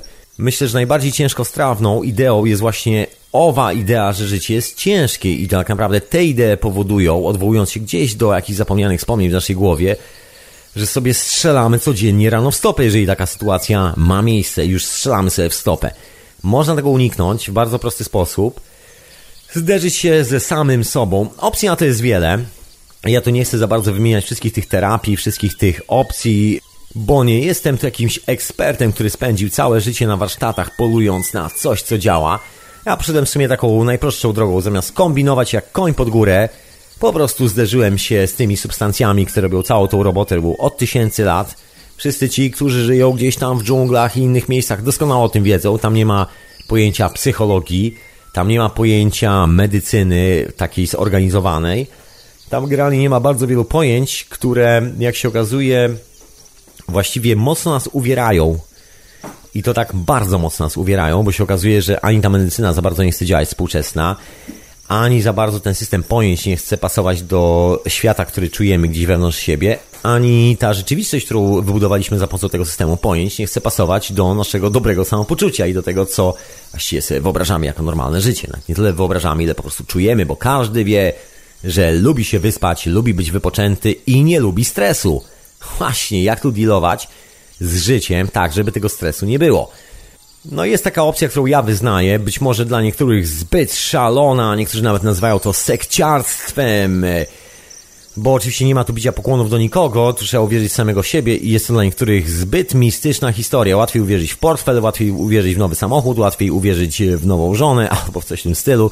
Ciężej uwierzyć to, że ten cały świat się odgrywa w naszej głowie i zanim cokolwiek się wydarzy dookoła, wszystko to mamy już poukładane gdzieś tam pomiędzy sercem, głową, nogą, stopą, ręką, naszą własną, nie cudzą. I tu na chwilę cofnę się do naszych problemów cywilizacyjnych, o których wspomniałem na początku, a mianowicie do problemu cywilizacyjnego numer dwa, problemu z Grecji, tego problemu z płatnością za edukację. Bo ten problem wytworzył taką zabawną sytuację, w której właściwie żyjemy do dzisiaj. Jesteśmy spadkobiercami tej całej historii, bezpośredniej linii. Mianowicie okazało się, że wiedza jako taka nie ma żadnej wartości. Wartość ma zdobywanie wiedzy. To jest ten moment, za który musimy zapłacić. Natomiast wiedza, którą już posiądziemy w ten sposób, właściwie nie ma żadnej wartości, bo jest już takim gotowym produktem. My za bardzo My już nie za bardzo możemy podać tą wiedzę dalej, żeby nie narażać się na jakiekolwiek problemy. Pierwsza rzecz, że ten system jest tak skonstruowany, że pierwszym podstawowym problemem będzie to, że nie mamy certyfikatu na to, żeby podawać tą wiedzę, ponieważ ci, którzy uczą, wydają certyfikaty, kto może uczyć tych informacji dalej, kto może podawać to dalej. Ale oczywiście nie stoi za tym żadna wiedza, ponieważ nie widzimy żadnej manifestacji w praktyce. Widzimy natomiast y, całe stado różnych szalonych teorii, począwszy od teorii kwantowych, skończywszy na szaleństwach związanych z Einsteinem i tak dalej, i tak. Widzimy masę tych wszystkich pogiętych, krzywych, głupich pomysłów, ale nie widzimy żadnego rozwiązania. To jest ten mój ulubiony przykład z tym, że maszyny Nikoli Tesli stoją gdzieś po garażach, stoją gdzieś w dziwnych miejscach, a my oczywiście zastanawiamy się nad kwantową naturą świata.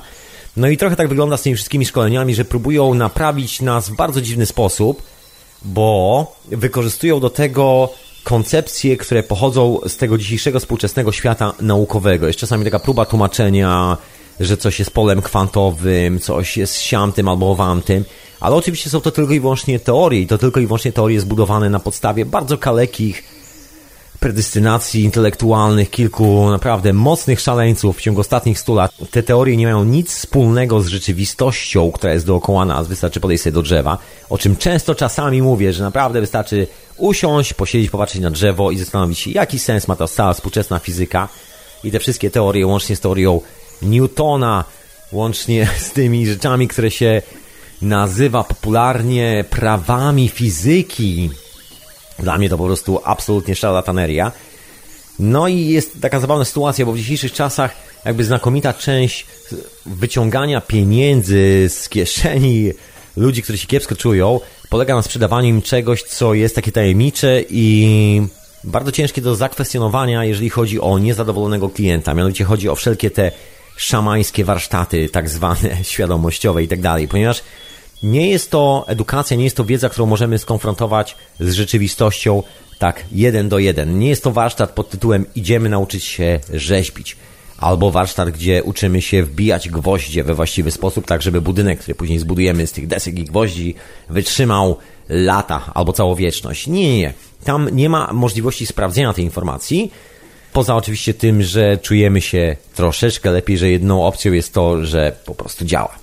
I właściwie poza opcją taką czysto emocjonalną nie ma żadnej innej, żeby sprawdzić, czy to w ogóle działa.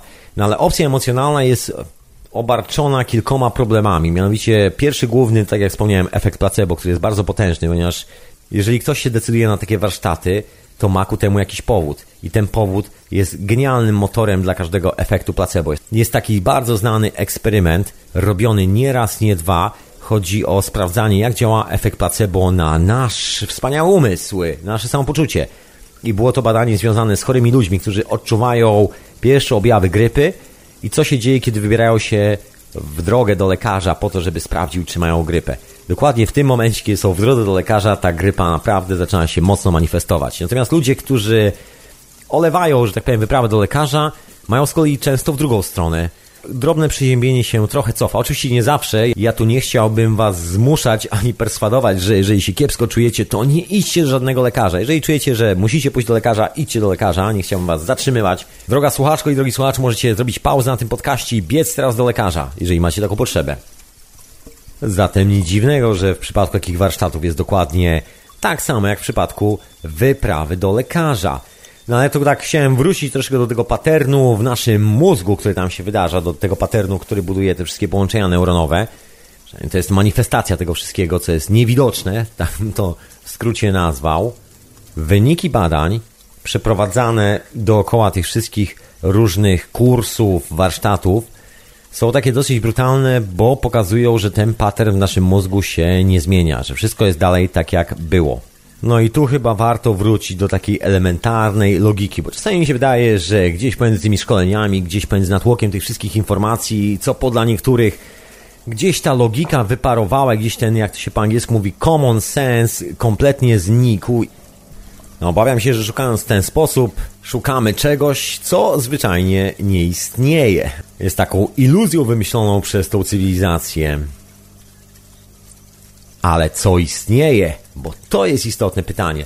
Myślę, że wielu z nas doskonale sobie zdaje z tego sprawę, że wiele tych spraw, które odpowiadają za jakieś takie krzywe historie w naszym życiu, jest zakorzenionych w emocjach gdzieś tam w środku nas. I na chłopski rozum biorąc, wszystko jasno i wyraźnie wskazuje, zresztą nie tylko na chłopski rozum biorąc, bo też wyniki badań naukowych mocno to potwierdzają, że te wszystkie kiepskie rzeczy, które gdzieś tam w nas tkwią, są właśnie tą kiepską emocją, która, że tak powiem, wyryła szramę gdzieś na naszej duszy i ta niezagojona blizna się czasami jątrzy, ona właśnie nigdy nie jest zagojona i czasami się odzywa i czujemy tą kontuzję intelektualną, duchową, umysłową sprzed lat. No i ta kontuzja jest właśnie związana z takim bardzo wysokim, potężnym stanem emocjonalnym. I teraz jak odwrócić tą sytuację, żeby ta najbardziej parszywa emocja nie była czymś, co determinuje całe nasze życie, i żeby zastąpić ją jakąś pozytywną emocją. Ja tak się zastanawiam, bo w sumie odpowiedź na to jest dosyć prosta, przynajmniej z mojego punktu widzenia, że wybieram naturalne terapie związane z psylocybiną, ayahuaską, LSD, tego typu substancjami. Myślę, że jest to o wiele zdrowsze i bardziej efektywne niż jakikolwiek lekarz, który podejrzewam, że sam może mieć całkiem niezłe problemy ze sobą i ja wcale nie jestem pewien, czy on sam siebie nie oszukuje w swoim własnym życiu. Także gwarancja, jakąkolwiek by mi mógł potencjalnie udzielić, jest właściwie żadna. Bo w jaki sposób człowiek, który sam nie kontroluje swojego własnego życia, będzie mnie uczył kontroli mojego własnego życia? No to jest tak zwana kwestia pewnej e, otwartości, przejrzystości ze sobą samym. Normalne jest to, że ta największa przejrzystość, największa otwartość jest tylko i wyłącznie w tym momencie, kiedy stoimy sami oko w oko ze sobą samymi. Ponieważ nie znamy cudzego życia, musielibyśmy spędzić im właściwie całe życie, na zasadzie chyba bratów bliźniaków, wtedy byśmy wiedzieli dokładnie, co u niego siedzi w głowie i to chyba jedyna opcja, a tak normalnie takiej opcji po prostu nie ma. My jesteśmy tą opcją. Sami musimy wiedzieć, co siedzi nam w głowach.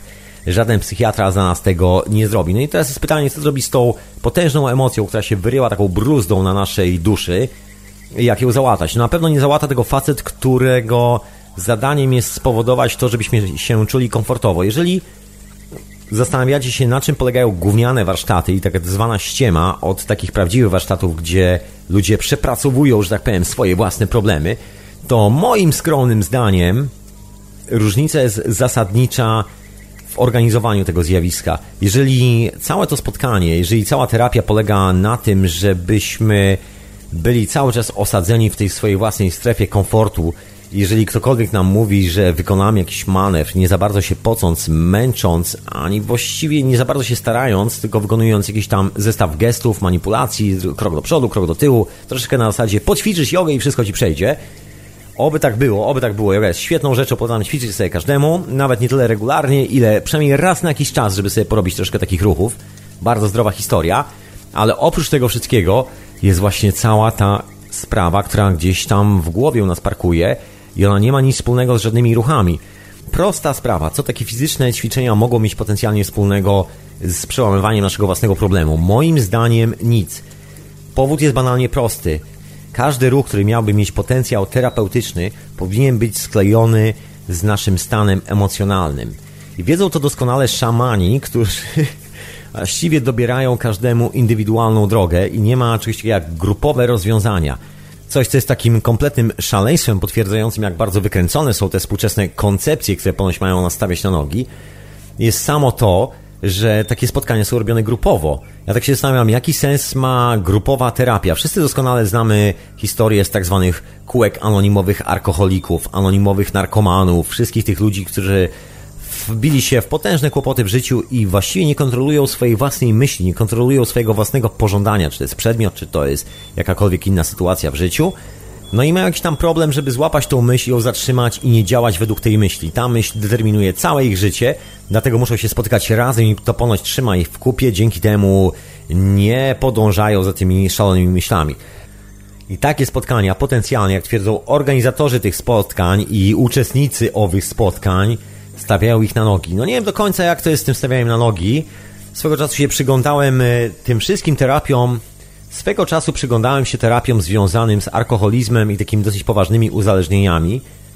I zachodziłem w głowę, właściwie do dzisiaj zachodzę w głowę, dlaczego wszystkie te grupy terapeutyczne nie chcą się przełamać, dlaczego nie chcą zażegnać tego problemu swoich pacjentów od początku do końca tak raz i na zawsze. Przecież są substancje, które doskonale pozwalają przeprowadzić taką terapię.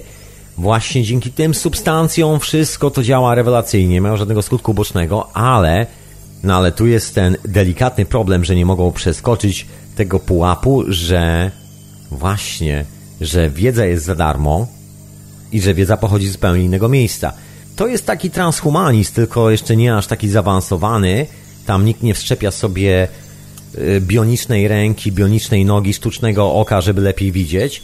Tam ludzie sobie wszywają, na przykład jak alkoholicy, plastry. Wydaje im się, że jeżeli wszyją sobie jakąś taką substancję, która powoduje, że przyjęcie alkoholu do organizmu spowoduje bardzo drastyczną reakcję owego organizmu, to ich przed czymkolwiek zatrzyma. Że czucie się jeszcze bardziej gównianie spowoduje, że przestaną pić. Bardzo egzotyczna historia. Przypomina to trochę taki wierszyk Gombrowicza z teatru Zielona Gąska, który mówił o pacjencie, który przychodził do lekarza, że boli go noga, lekarz odcinał nogę, pacjent wracał, mówi, że boli go ręka, lekarz odcinał rękę. Kiedy pacjent przyszedł i powiedział, że boli go głowa, lekarz odciął mu głowę.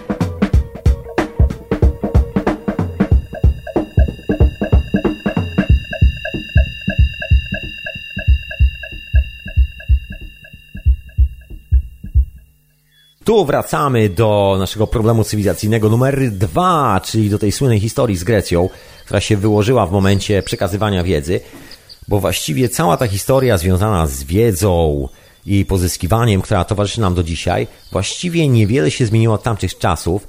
Jest taką bezpośrednią, można powiedzieć, spuścizną po czasach, kiedy Grecja się załamała, kiedy trzeba było płacić za wszelkie informacje.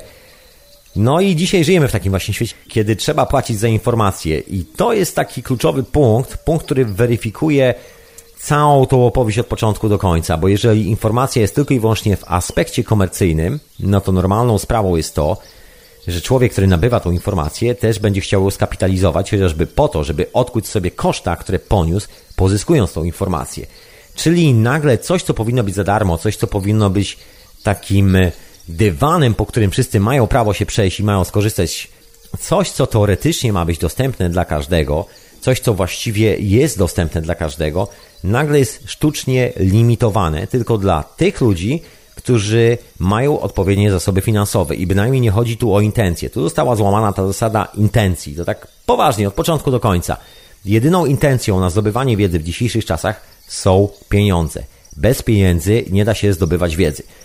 No i tak jak wspomniałem, mając tą wiedzę, musimy często jeszcze zwrócić sobie tą kasę, którą wydaliśmy na tą wiedzę, także też nie puścimy jej za bardzo dalej. No jeżeli już puścimy ją dalej, to w bardzo limitowanym wymiarze, jeżeli już to takim, żeby nam ktoś zapłacił za pracę naukową, ponieważ tak jest skonstruowany cały ten system.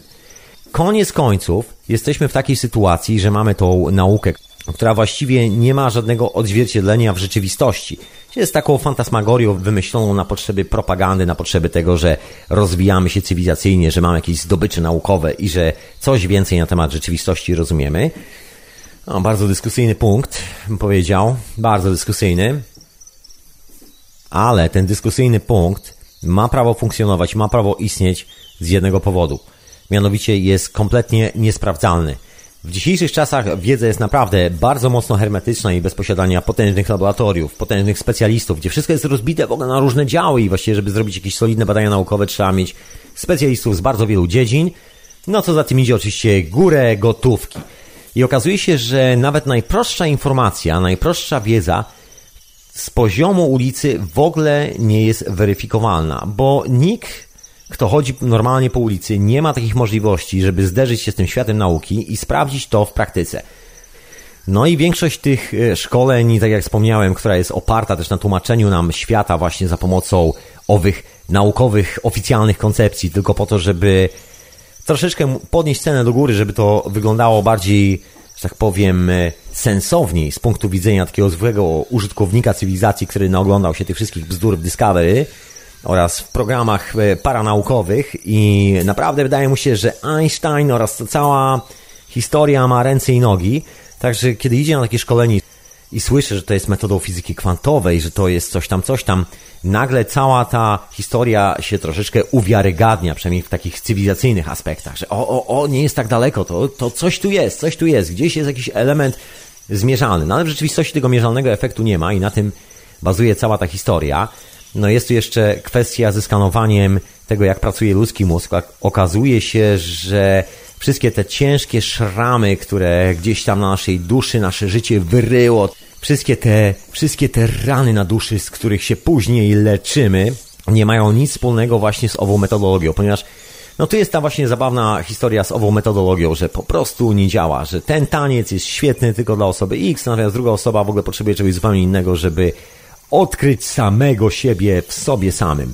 I dysponując jakże dziarskim podejściem cywilizacyjnym, nie jesteśmy w stanie nic za bardzo zrobić w tej dziedzinie.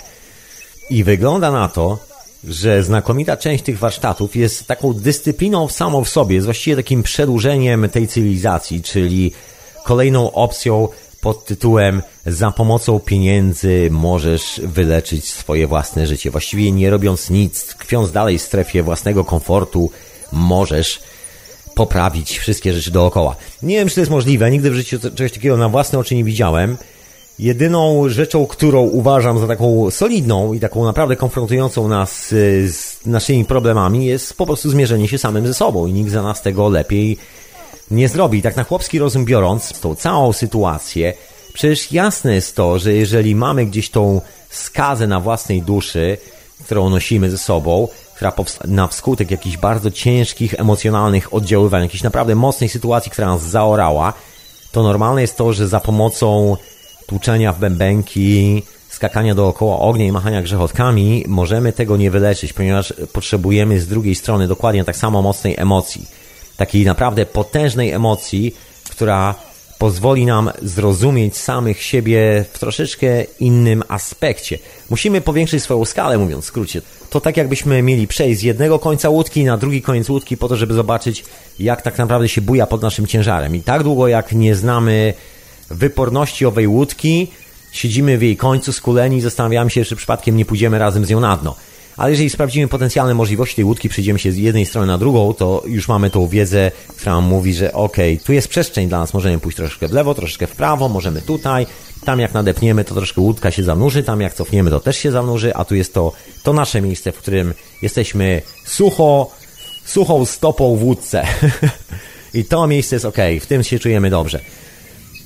Nam się sprzedaje taki wykręcony obraz rzeczywistości, w którym z jednej strony jesteśmy takimi psychopatycznymi maniakami operującymi tylko i wyłącznie w materii, nie widzącymi nic poza materią, a z drugiej strony mamy taką opcję, że możemy wyskoczyć i poczuć, e, poczuć odmiany słowa duchowość, dusza na wszelkie możliwe sposoby. I chyba cały ten numer z tymi warsztatami polega na tym, że nikt nie chce tego skleić w całość mnie naprawdę bardzo mocno zastanawia, jak to jest, że ludzie, którzy mówią o świadomości, że ludzie, którzy mówią o duchowości, negują naturę, że ci ludzie twierdzą, że natura jest niebezpieczna, że ci ludzie nie chcą wrócić do naturalnych metod stosowanych od tysięcy lat, że sprzedali te metody za parę srebrnych talarków po to, żeby kasować wszystkich ludzi dookoła za obietnicę czegoś, co i tak się nigdy nie dzieje. To jest fenomen cywilizacyjny. Mam taki swój własny papierek lakmusowy takich sytuacji, jak to sobie sprawdzać. Prosta sprawa, związana z przepływem informacji. Nasz organizm i właściwie wszystko, czym jesteśmy, jest przepływem informacji. Czyli jeżeli jakikolwiek warsztat jest tym rzeczywistym warsztatem, jeżeli są jakieś takie spotkania, które leczą ludzi, stawiają na nogi, powinny ich ustawiać dokładnie w tej pozycji, takiej bardzo energetycznej. To wszystko powinno przepływać przez tych ludzi podczas tych warsztatów i powinni się uczyć, jak właściwie funkcjonować w życiu w taki sposób, żeby dać szansę tej energii przepłynąć spokojnie przez nasze ciało, przez nasze sytuacje w życiu, żeby nic się nam nie zablokowało i nic później nie wybuchło, nie, nie wyleciało w powietrze razem z nami.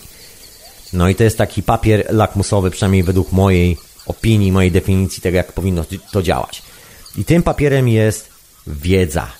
Jeżeli ktoś posiada taką wiedzę, jak spowodować, że ktoś się lepiej czuje, to automatycznie nosi na sobie odpowiedzialność tego, żeby tą wiedzę przekazać jak najszybciej i jak największej grupie ludzi po prostu tak z buta.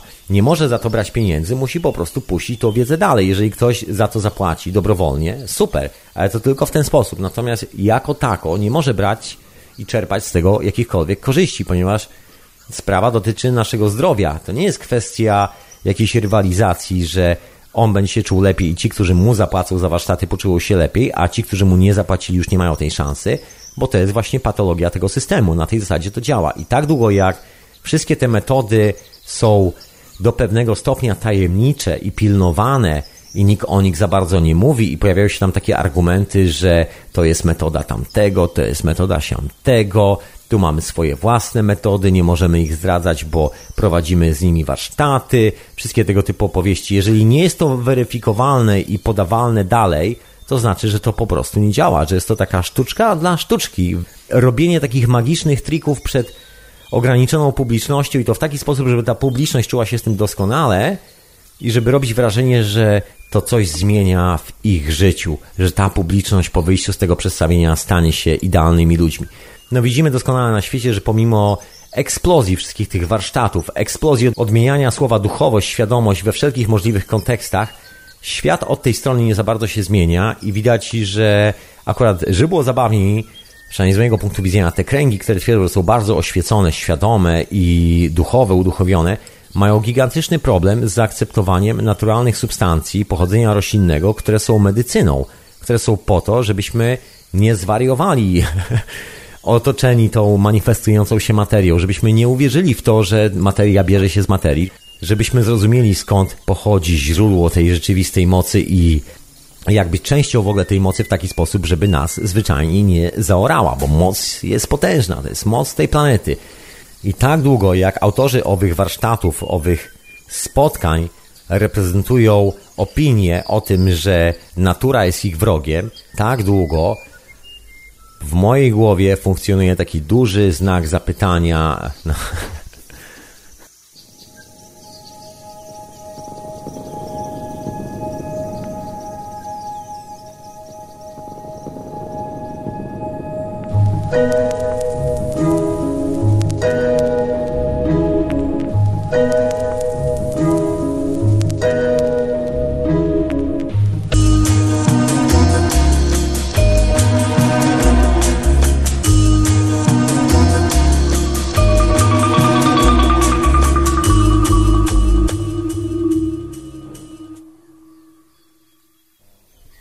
A wy oczywiście słuchacie Radia na Fali. Hiperprzestrzeni, ja mam na imię Tomek i oczywiście audycja jest retransmitowana w Radiu Paranormalium. Pozdrawiam jak zwykle słuchaczy Radia Paranormalium i oczywiście Radia na Fali. Tymczasem wróćmy do naszego tematu, właściwie mojego tematu na dzisiejszy wieczór, o którym tutaj się wynurzam tych wszystkich swoich refleksji, które dzisiaj się tak pałętają po ogrodzie. Ja tak nagrywam po kawałku troszeczkę ten podcast dzisiaj. No, tak się jakoś poskładało, już się zrobiło troszeczkę ciemniej, także już nie jestem w ogrodzie, zdecydowanie w kuchni. Jak chyba większość tego podcastu. Można powiedzieć, że jest to hiperprzestrzeń nagrywana w sumie w kuchni, po raz pierwszy w moim życiu. Może następna będzie nagrana w łazience. Kto to wie? Był już stawik, jest kuchnia. Zobaczymy, co będzie dalej, jak to się potoczy. Właśnie, ale wracajmy do tematu, do naszego głównego tematu, do tych wszystkich rzeczy związanych z pobieraniem owej edukacji, z tym dziwnym e, tripem edukacyjnym, który się wydarzył po drodze, bo tak powiedziałem o tym znaku zapytania, powiedziałem jak mnie to bulwersuje, szokuje i dziwi, bo tak, e, wiem jak wygląda, znamy wszystkie te historie, a teraz pytanie, okej, okay, no papierek lakmusowy tej sytuacji, czyli jak sprawdzić, że to działa, jak sprawdzić, że to jest okej. Okay. No chyba prosta sprawa, jeśli mamy budować nowy świat, to są jakieś priorytety na ten nowy świat, zdaje się. Jeżeli ma być lepszy od tego, który jest, no to normalną siłą rzeczy te priorytety będą troszeczkę inne i wiadomo, że będzie można to sobie zweryfikować. Że jeżeli nowy świat, który ma nie przypominać tego starego, no to normalne jest to, że nie jest oparty na tych samych priorytetach, a wręcz zupełnie w drugą stronę w ogóle je ignoruje. No jak wygląda z realizacją tego w praktyce? Ja się tak przyglądam po różnych miejscach. Od miejsc komercyjnych to nie wymagam, żeby za bardzo realizowały te moje pomysły, żebym tam widział jakieś odzwierciedlenie pewnych sił natury, ponieważ tam chodzi o coś zupełnie innego, chodzi po prostu o dłużenie kasy i wszyscy o tym doskonale wiemy. Wiedzą o tym ludzie, którzy to zakładali, wiedzą o tym ludzie, którzy tam siedzą, wiedzą o tym ludzie tacy jak ja, którzy to oglądają z zewnątrz. No i teraz pytanie właściwie, kto z nas jest z zewnątrz, a kto z nas jest w środku troszeczkę. No bo to jest pytanie o tym, jak z realizacją tego postulatu, tego priorytetu w praktyce. No właśnie, jeżeli jest jakiś priorytet na tą nową cywilizację, to w końcu jaki jest ten priorytet? Bo jakiś musi być. No moim zdaniem jednym z wielu, bo oczywiście nie jest to jeden, ale jednym z dosyć istotnych priorytetów jest owa transparencja informacji, ów przepływ informacji. No można tak sobie porównać troszkę do rynku księgarskiego dzisiejszych czasów, kiedy każdą książkę pisze się i tak z reguły na komputerze, ona i tak musi być tam wprowadzona, nawet jeżeli została napisana piórem na kartce papieru. No i efekt jest taki, że mamy ją w wersji cyfrowej. Teraz jest pytanie, ile z tych książek, które i tak są pisane w wersji cyfrowej, trafia na rynek i jako książka za darmo, tak zwyczajnie dla ludzi. No bardzo niewiele, bardzo niewiele.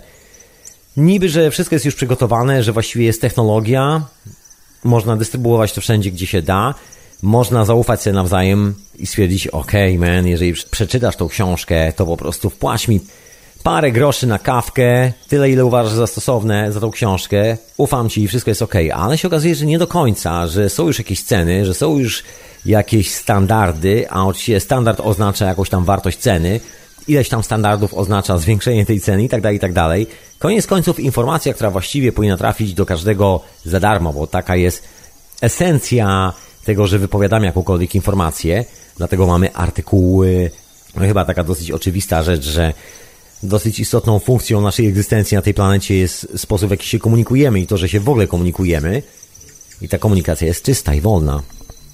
Można tak powiedzieć normalnie, że jest po prostu nieskorumpowana. Jeżeli cokolwiek jest w tym polu informacyjnym dookoła, to nie ma problemu z tym, żebyśmy sobie przekazali tą informację i granie, żebyśmy wszyscy wiedzieli, bo jeżeli wszyscy będziemy mieli pojęcie o tym, co się dzieje wokół nas, to nikt z nas nie wpadnie w panikę i nie zacznie wykonywać nerwowych ruchów, A nawet jeśli, to znakomita większość będzie wiedziała o co chodzi, więc będą mogli usiąść z delikwentem i powiedzieć mu spokojnie, Czesław, spokojnie, Jola, usiądźcie, nie denerwujcie się, wszystko jest ok, wyjaśnimy o co tu chodzi, bo mamy informacje. Na się okazuje, że właściwie informacji nie ma. Nie wiem, czy to plus, czy minus w dzisiejszych czasach, bo właściwie kiedyś tak człowiek przygląda na to, co nauka nazywa informacją, to włos się na głowie jeży. No ale to zostawmy, to zostawmy gdzieś na boku. Generalnie wniosek jest taki, że pomimo, że mamy narzędzia, okazało się, że właściwie wykorzystujemy je głównie do takiego celu o nazwie licznik. I to taki licznik, który wpuszcza tylko tych, którzy płacą, ci, którzy nie płacą, nie dostają żadnej informacji, są skazani na życie w, takiej, w takich odmętach. Przypomina to, no właśnie, przypomina to takie średniowiecze troszeczkę. Ci, którzy mają kasę, mogą się nauczyć, ci, którzy nie mają kasy, nie za bardzo. Oczywiście szczęśliwie dla nas dużo tej informacji tak czy siak wylądowało za darmo w internecie, także powoli to, co się dzieje dookoła, cała ta globalna transformacja ściąga nam trochę ten kamień z pleców. Tak czy siak robi się troszeczkę lżej, nawet od samego patrzenia, co jest akurat całkiem miłym elementem, bo człowiek nie musi się za bardzo pocić, a świat zmienia się na lepsze. Miłe, prawda? Też mi się podoba. No właśnie, jak wygląda nasza akceptacja samych siebie, bo to jest, myślę, taka najistotniejsza sprawa, bo właściwie cała ta heca z puszczaniem informacji dalej jest niczym więcej jak ilustracją, jak czujemy się sami dobrze ze sobą. Czy mamy jakieś blokady, czy myślimy, że na przykład nasza myśl jest nie fair w stosunku do świata i wiemy, że coś tam jest nie fair, coś jest niepoukładane, no i boimy się tej myśli puścić, blokujemy ją troszeczkę. Jeżeli jest to urządzenie, no to wiemy, że ono nie do końca coś tam, coś tam, że może nie jest najlepsze, wiemy, że tam są pewne triki, że kantujemy, że robimy coś nie tak i trzymamy te wszystkie tajemnice, albo boimy się, że ktoś nas okantuje, bo sami też w sumie kantowaliśmy nieraz. I efekt tego jest taki, że właściwie dowiadujemy się tylko i wyłącznie troszeczkę informacji o sobie. No niestety dowiadujemy się tych akurat kiepskich rzeczy o sobie, że nie akceptujemy samych siebie, nie akceptujemy własnych wyborów, że właściwie wszystkie te wybory, które podejmujemy, produkując całą cywilizację, są właściwie mocno wbrew całej naszej egzystencji jako żywej istoty na tej planecie. Nie mają nic wspólnego z czymś, co obserwujemy za oknem o nazwie natura, czyli dzikie drzewa, krzaki, rośliny, zwierzaki. Taradam, cała ta historia. Po prostu wiemy, że jest tam dysonans, po prostu i nie akceptujemy tego dysonansu, nie akceptujemy siebie w tym dysonansie. Jesteśmy troszkę tacy złamani na pół. Używamy tej ropy, wiemy, że nic dobrego z tego nie ma, ale właściwie, kurczę, ale jej używamy. I tak, dociskamy to wszystko, dociskamy, dociskamy. Jest troszeczkę tak, o czym ja tu często mówię, że w sumie z powodu tej akceptacji samych siebie, właściwie braku kompletnie tej akceptacji, yy, no właśnie, że jest trochę tak, że sami bez niczyjej pomocy budujemy ten system spontanicznie i dobrowolnie każdego dnia wstając z łóżka. Bardzo często, bardzo gęsto i właściwie codziennie. Dzięki temu zresztą ten system, na który wszyscy tak psioczą, doskonale funkcjonuje. Ja się troszkę śmieję czasami i tak szydzę, oczywiście dżentelmeńsko, bez przesady, bez urazy, z ludzi, którzy nazywają się niezależni, alternatywni i tak dalej, i tak. Bo rzadko kiedy się zdarza, żeby akurat w tym miejscu można było zaobserwować coś za, za darmo. Z reguły wszystkie te zgrupowiska, zgromadzenia alternatywne, awangardowe, proponujące nowe rozwiązania, właściwie opierają się dokładnie na tym samym, na czym opiera się działanie na giełdzie nowojorskiej, na giełdzie londyńskiej, na każdej innej giełdzie. Chodzi dokładnie o to, żeby wyciosać troszeczkę gotówki że generalnie zbudujemy system, system, który będzie inny niż ten, który jest, który twierdzimy jest toksyczny, a my potrafimy zbudować lepszy, ale tylko z jednego powodu, ponieważ ten stary system nie działa dobrze dla nas, ale jako, że nie lubimy zbyt dużo myśleć, bo głowa boli od myślenia, albo jakoś tak, lepiej pogadać coś e, o świadomości, o, o nie wiem czym, o poglądać telewizję, zająć się zupełnie innymi rzeczami, ale nie myślmy zbyt dużo, bo głowa pęknie. Generalnie chodzi o to, żeby było nam dobrze, bo w tym systemie, który jest, który nam się nie podoba, jest dobrze tym, których nie lubimy. Jeżeli zmienimy system, to nam będzie dobrze, a tym, których nie lubimy, będzie źle. Generalnie, czyli właściwie dokładnie to samo, tylko zmieniają się role. Ofiary zaczynają grać przywódców, przywódcy zamieniają się rolami z ofiarami, ale system dalej pozostaje ten sam i właściwie wszyscy ci, którzy są po środku, dokładnie dostają ten sam łomot, jeżeli nie o wiele większy, no bo czas leci, zasoby ludzkie troszeczkę maleją, energii do życia troszeczkę spada i generalnie, kiedy się pojawia nowy system na horyzoncie i obietnice nowego, cudownego systemu, który będzie lepszy od tego starszego systemu, już od samego słuchania tego robi się troszeczkę matowo w głowie, bym powiedział, tak trochę szaro i nawet się ściemnia troszeczkę. Przynajmniej u mnie, nie wiem jak u was, e, może muszę udać się do lekarza z tą swoją głową. No, I don't know. Zobaczymy, zobaczymy. Jak się ściemni do końca, to znaczy, że żyje i że wszystko działa. Wróćmy do, do tego spontanicznie budowanego przez nas systemu i dobrowolnie oczywiście każdego dnia. To jest nasza ucieczka od rzeczywistej takiej konfrontacji ze swoimi intencjami co do nowych utopijnych systemów, o których tu wspomniałem, wymyślanych w naszych głowach. Tak, tak, moi drodzy, myślę, że to jest absolutnie ucieczka od tej prawdziwej własnej natury. No przede wszystkim od konfrontacji, bo zanim poznamy swoją własną naturę, musimy skonfrontować swoje wszystkie ugarstwa, cwaniactwa, cały ten bullshit, całe te chore pomysły na rzeczywistość. To, że widzimy innych ludzi jako masy, to, że widzimy jak rządzimy światem, widzimy jak przesuwamy wszystkie te kamienie, z których wszystko jest zbudowane i już czujemy się panami stworzenia. Nie, nie, to można sobie odłożyć na bok, tego nie szukamy. Chcemy się skonfrontować ze swoją rzeczywistością na sam początek. To jest właściwie chyba pierwsza i jedyna bramka, która nas prowadzi we właściwym kierunku. Żeby przejść dalej, musimy przejść przez tą bramkę. Tak trochę to wygląda. Większość tych szkoleń, większość tych rzeczy, o których dzisiaj tutaj rozprawiam, właściwie nie dają absolutnie nikomu żadnej konfrontacji z niczym. Są głównie miłymi spotkaniami towarzyskimi, są spotkaniami, w których terapeuta nie może nam zadać zbyt nerwowego, w cudzysłowie, pytania albo pytania, które by nas poruszyło zbyt mocno, ponieważ jest bardzo duże ryzyko, że pacjent poruszony zbyt mocno i zbyt dynamicznie może już e, nie wrócić do lekarza. Ta dynamika go wrzuci gdzieś, e, gdzieś daleko i ta kasa już nie przyjdzie z powrotem. Siet i cały biznes idzie się walić. No i nie ma nowego systemu, a jak wiadomo, nowy system zamiast starego jest chyba największą ambicją tej tak zwanej alternatywnej grupy ludzi i to chyba wszędzie na świecie, bo to jest historia, która się dzieje. Naprawdę nie tylko w Polsce, moi drodzy, wszędzie na świecie jest masa ludzi, którym się wydaje, że jeżeli zastąpią jeden system drugim systemem, to ten drugi z samej natury, że jest drugi, będzie po prostu lepszy, albo z samej natury, że to będzie zbudowany przez nich system, będzie o wiele lepszy, bo według nich oni są po prostu lepsi. Ja nie do końca w to wierzę. Uważam, że jedyny działający system to jest taki system indywidualny, gdzie każdy z nas przechodzi już tą swoją bramkę konfrontacji ze sobą i ze swoimi intencjami, takimi jakie one w rzeczywistości są czy to chodzi o konfrontację z naszymi iluzjami na temat naszej relacji z rzeczywistością, czy relacji, no właśnie, ze wszystkim, no bo w sumie rzeczywistość jest wszystkim. Samym tym materialnym, który się manifestuje dookoła nas, a to jest kluczem do naszych duchowych historii, ponieważ to, co się materializuje dookoła nas, jest wynikiem tego, co mamy w głowie. No jeżeli przyjrzymy się uważnie na takie szkolenia, na takie grupy ludzi, które starają się za wszelką cenę zorganizować w grupę ludzi, zorganizować w coś na wzór i przykład armii, stworzyć jakieś ruchy społeczne, zmusić wszystkich do partycypacji w jednej konkretnej idei, no to zaczyna się robić niebezpiecznie. Też powoli troszkę ręka się tak podnosi do góry pod kątem 45 stopni. Oczywiście dzieje się to pod wieloma hasłami. Adolf Hitler robił pod swoim, Józef Stalin robił pod swoim. Ci, którzy teraz zarabiają grube miliony na innych w bankach, robią to pod swoim. Ci, którzy często kontestują ten cały babiloński system, w rzeczywistości robią to dokładnie w ten sam sposób, tylko że pod swoim sztandarem. Także niewiele się tutaj zmienia. Naprawdę niewiele. Widać to po sposobie angażowania się na przykład w politykę, partię, biznes.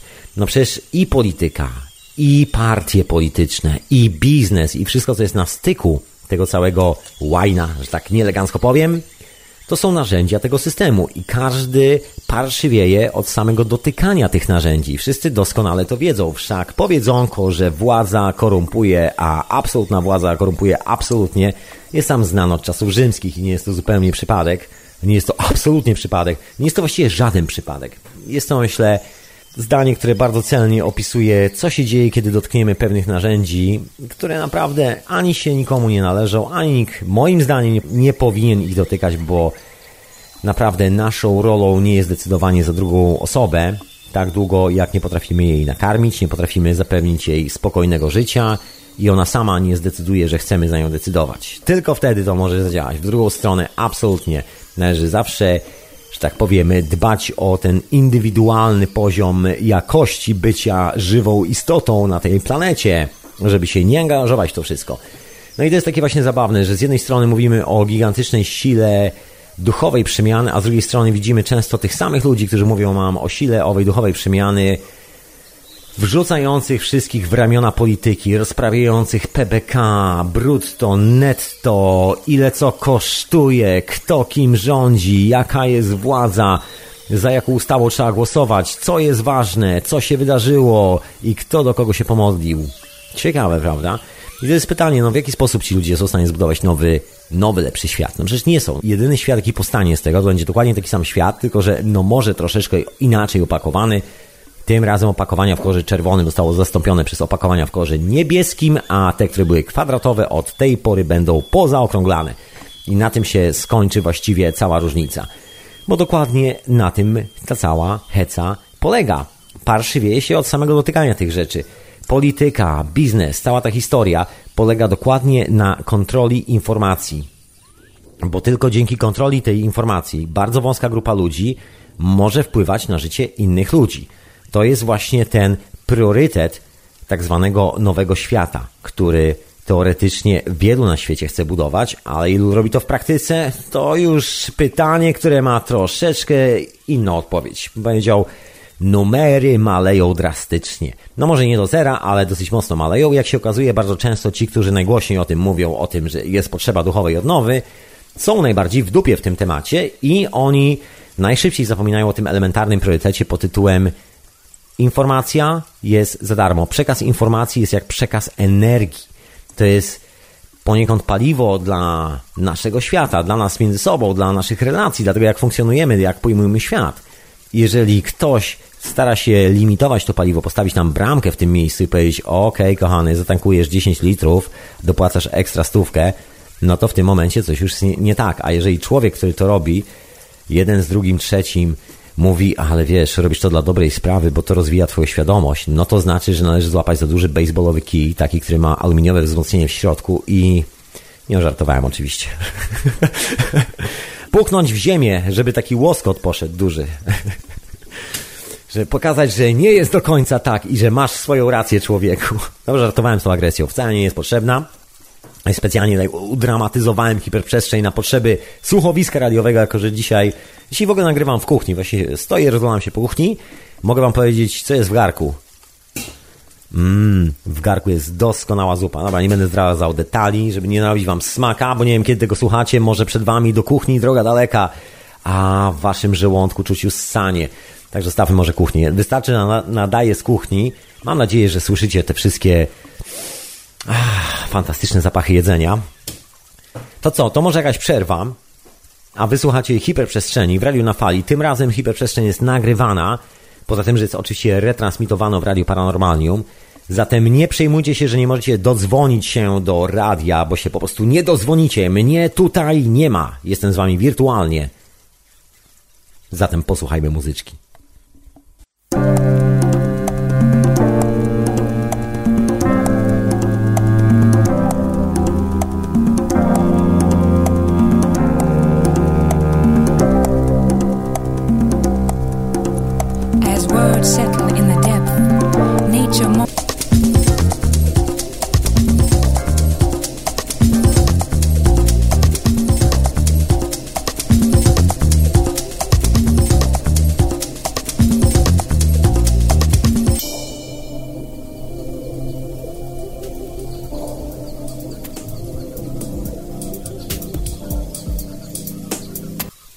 radionafali.com hiperprzestrzeń retransmitowana w Radiu Paranormalium.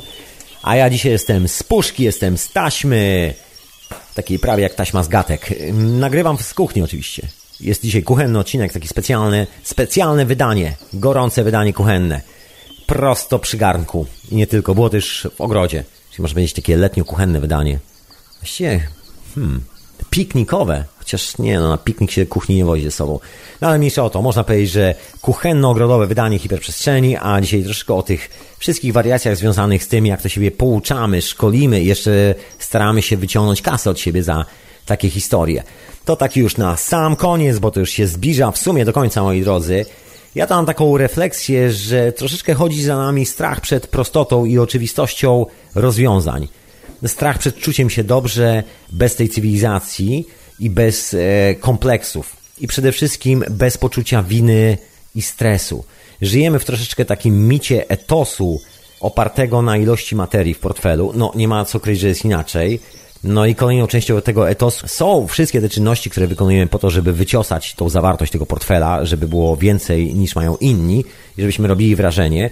Teraz się to troszeczkę zmienia. Ten portfel oczywiście dalej jest dominujący, ale chodzi też o wpływy na ludzi, czyli tak zwany rząd dusz, czyli im więcej ludzi słucha, im więcej ludzi nam kiwa głową, im więcej ludzi mówi nam, że jesteśmy wspaniali, że jest w stanie pójść za nami w ogień, tym lepiej. Władza, władza korumpuje, jak mawiali Rzymianie. I ta władza nad ludźmi i to wmawianie troszeczkę, że ma się jedno rozwiązanie, które działa i uzależnianie ludzi troszeczkę od tego rozwiązania, no jest moim zdaniem dosyć mocną patologią, która się zdarza dosłownie wszędzie. To, co chcę dzisiaj powiedzieć, to to, że krzywe numery nie dzieją się tylko i wyłącznie w krainie banksterów i na giełdzie. Krzywe numery dzieją się właściwie wszędzie, bo jest to spuścizna po naszej cywilizacji, moi drodzy. I tak samo jak przekazywanie informacji w biznesie doprowadziło do takiej konkretnej, totalnej patologii, że właściwie żyjemy w takiej grze Monopoly, w której wszystkie karty zostały już dawno rozdane, wszystkie nieruchomości zostały już dawno kupione, a my tylko służymy po to, żeby dać rozrywkę ludziom, którzy się już naprawdę wybitnie nudzą grając w tym Monopoly, bo już właściwie wygrali wszystko i nikt z nimi nie chce grać. I te sprawy wyglądają dokładnie tak samo od tych tak zwanych niezależnych stron. Właściwie z każdej strony wygląda tak samo, bo z każdej strony są ludzie, są tacy sami ludzie. Jest człowiek taki jak ja, taki jak ty i to się nic nie zmienia. I tak długo jak w naszej głowie ten strach przed prostotą i oczywistością owych działających rozwiązań tkwi, gdzieś się tam czai, tak długo jesteśmy odcięci od tego wszystkiego. A ile mamy rozwiązań? Mamy dużo rozwiązań, począwszy od właśnie takie technologiczne historii, od Tesli, poprzez sprawy związane z terapiami, medycyną, rośliny. Słuchajcie, niesamowita historia związana ze szczepionkami, prawda? Żabka o nazwie Cambo. Przecież to jest rewelacja. Nikt o tym za bardzo nie chce oficjalnie mówić. Nawet ci ludzie, którzy prowadzą te ceremonie, boją się o tym mówić, bo gdzieś jest ta blokada na informacje, gdzieś się nauczyli. No było na to jakieś 3000 lat od Greków, to mogło trochę wyprać głowę, właściwie każdemu, wszędzie pod każdą szerokością geograficzną, że informacji trzeba strzec, że to jest bardzo ważna rzecz. Nie. Moi drodzy, moim zdaniem informacja, która stoi w miejscu jest jak zaraza, potrafi zniszczyć, bo jest to ładunek energetyczny i jeżeli ten ładunek energetyczny się nie porusza, no to zaczyna się robić coś bardzo dziwnego, zaczyna coś tam gnić i coś przestaje działać. Naturą tego czegoś, co nazywamy informacją, jest to, że zawsze jest w ruchu. I naszym obowiązkiem jest puszczać tą informację przodem, się troszkę odsunąć, tak jakbyśmy szli chodnikiem i ktoś przejeżdżał na rowerze, to się odsuwamy troszeczkę i przepuszczamy, przepuszczamy przodem. Niech sobie spokojnie jedzie, my i tak dojdziemy tam, gdzie mamy dojść. Nie ma z tym absolutnie problemu. I to jest dla mnie taki papierek lakmusowy tego, czy ludzie, z którymi rozmawiamy i ludzie, którym czasami oddajemy w ręce kawałek swojego zdrowia i kawałek swojej percepcji rzeczywistości naprawdę wiedzą, co robią. To jest taki elementarny sprawdzian. Jeżeli się okazuje, że nie ma tam intencji na przekazywanie sobie informacji, takiej czystej, nieskorumpowanej informacji, no to znaczy, że chyba tego nowego świata tam nie będzie. Co najwyżej będzie ten sam stary świat, tylko że troszeczkę inaczej opakowany. I nikt nam wcale nie obieca, że ten nowy rozmiar buta będzie pasował do naszego rozmiaru stopy. Może być tak, że będzie jeszcze mniejszy niż ten, który jest aktualnie. Taką mam refleksję z tego wszystkiego. I, I w ogóle postuluję za otwartą informacją. Jeżeli jest jakaś informacja, jeżeli jest jakaś książka, jeżeli coś robisz człowieku, to puszczaj to dla ludzi. W sumie to jest chyba jedyny sens tego wszystkiego. I tak pewnego dnia wszyscy odejdziemy z tej planety i nawet najbardziej szalone pomysły próbujące przedłużyć nam życie tego nie zmienią, bo nie jesteśmy tu na stałe. Nic tu nie jest na stałe. Jesteśmy tu tylko podróżnikami i informacja jest tą częścią podróży, która się wydarza na równi z nami w tej przestrzeni. I jest taka elementarna, podstawowa zasada. Proste, analogowe formy bez żadnej finezji. Trochę jak właśnie z ową szczepionką i żabką Cambo. Tadam! Tak jak z psylocybiną, tak jak z meskaliną, tak jak z ayahuaską. Nagle się okazuje, że świat jest o wiele prostszy. No właśnie, słyszę, że włączył się mój boiler w kuchni. To chyba czas już najwyższy, żebym kończył nagrywanie tego odcinka hiperprzestrzeni. Zatem dzięki Wam, słuchacze, za wysłuchanie moich refleksji kolejnego odcinka hiperprzestrzeni w radiu na fali, transmitowanego też w radiu Paranormalium. Jestem z Wami duchem, bo nie mam je tu z Wami fizycznie ciałem w tą sobotę. Co oczywiście akurat nie dotyczy słuchających tego jako podcastu. Tak czy siak pozdrawiam wszystkich słuchających, absolutnie gdziekolwiek byście nie byli i w jakimkolwiek wymiarze. Mam nadzieję, że ta informacja dotarła do Was bez żadnego przekłamania i bez żadnej korupcji, jasno i wyraźnie. Także dzięki wielkie za słuchanie. Dzięki wielkie za Dzięki wielkie za wysłuchanie tego kolejnego odcinka hiperprzestrzeni nagrywanego w kuchennych warunkach, oczywiście profesjonalnym mikrofonem i tak dalej, ale, ale w kuchni i na ogrodzie troszeczkę. Pozdrawiam wszystkich mecenasów Radia na Fali, Peace and Love. Zapraszam wszystkich do archiwum Radia na Fali, do wszystkich pozostałych audycji, które parkują w owym archiwum do moich zacnych kolegów. Zapraszam do etykiety zastępczej w środę. Zapraszam do siebie wieczorowej pory w czwartek. Zapraszam do Tori Chaosu w piątek. No i oczywiście do archiwum Radia na Fali i do czasu snu, moi drodzy. Tak na sam koniec, bo oczywiście mnie nie ma, także wieczorowa pora się nie odbędzie. Ale nie płaczcie, nie płaczcie. Zapraszam Was w czwartek na normalną, regularną wieczorową porę, a sobotnia wieczorowa pora wróci jak tylko ja wrócę żywcem za mikrofon. Także trzymajcie się moi drodzy, pozdrawiam Was ciepło i serdecznie i do usłyszenia następnym razem. Słuchaliście radia na fali.com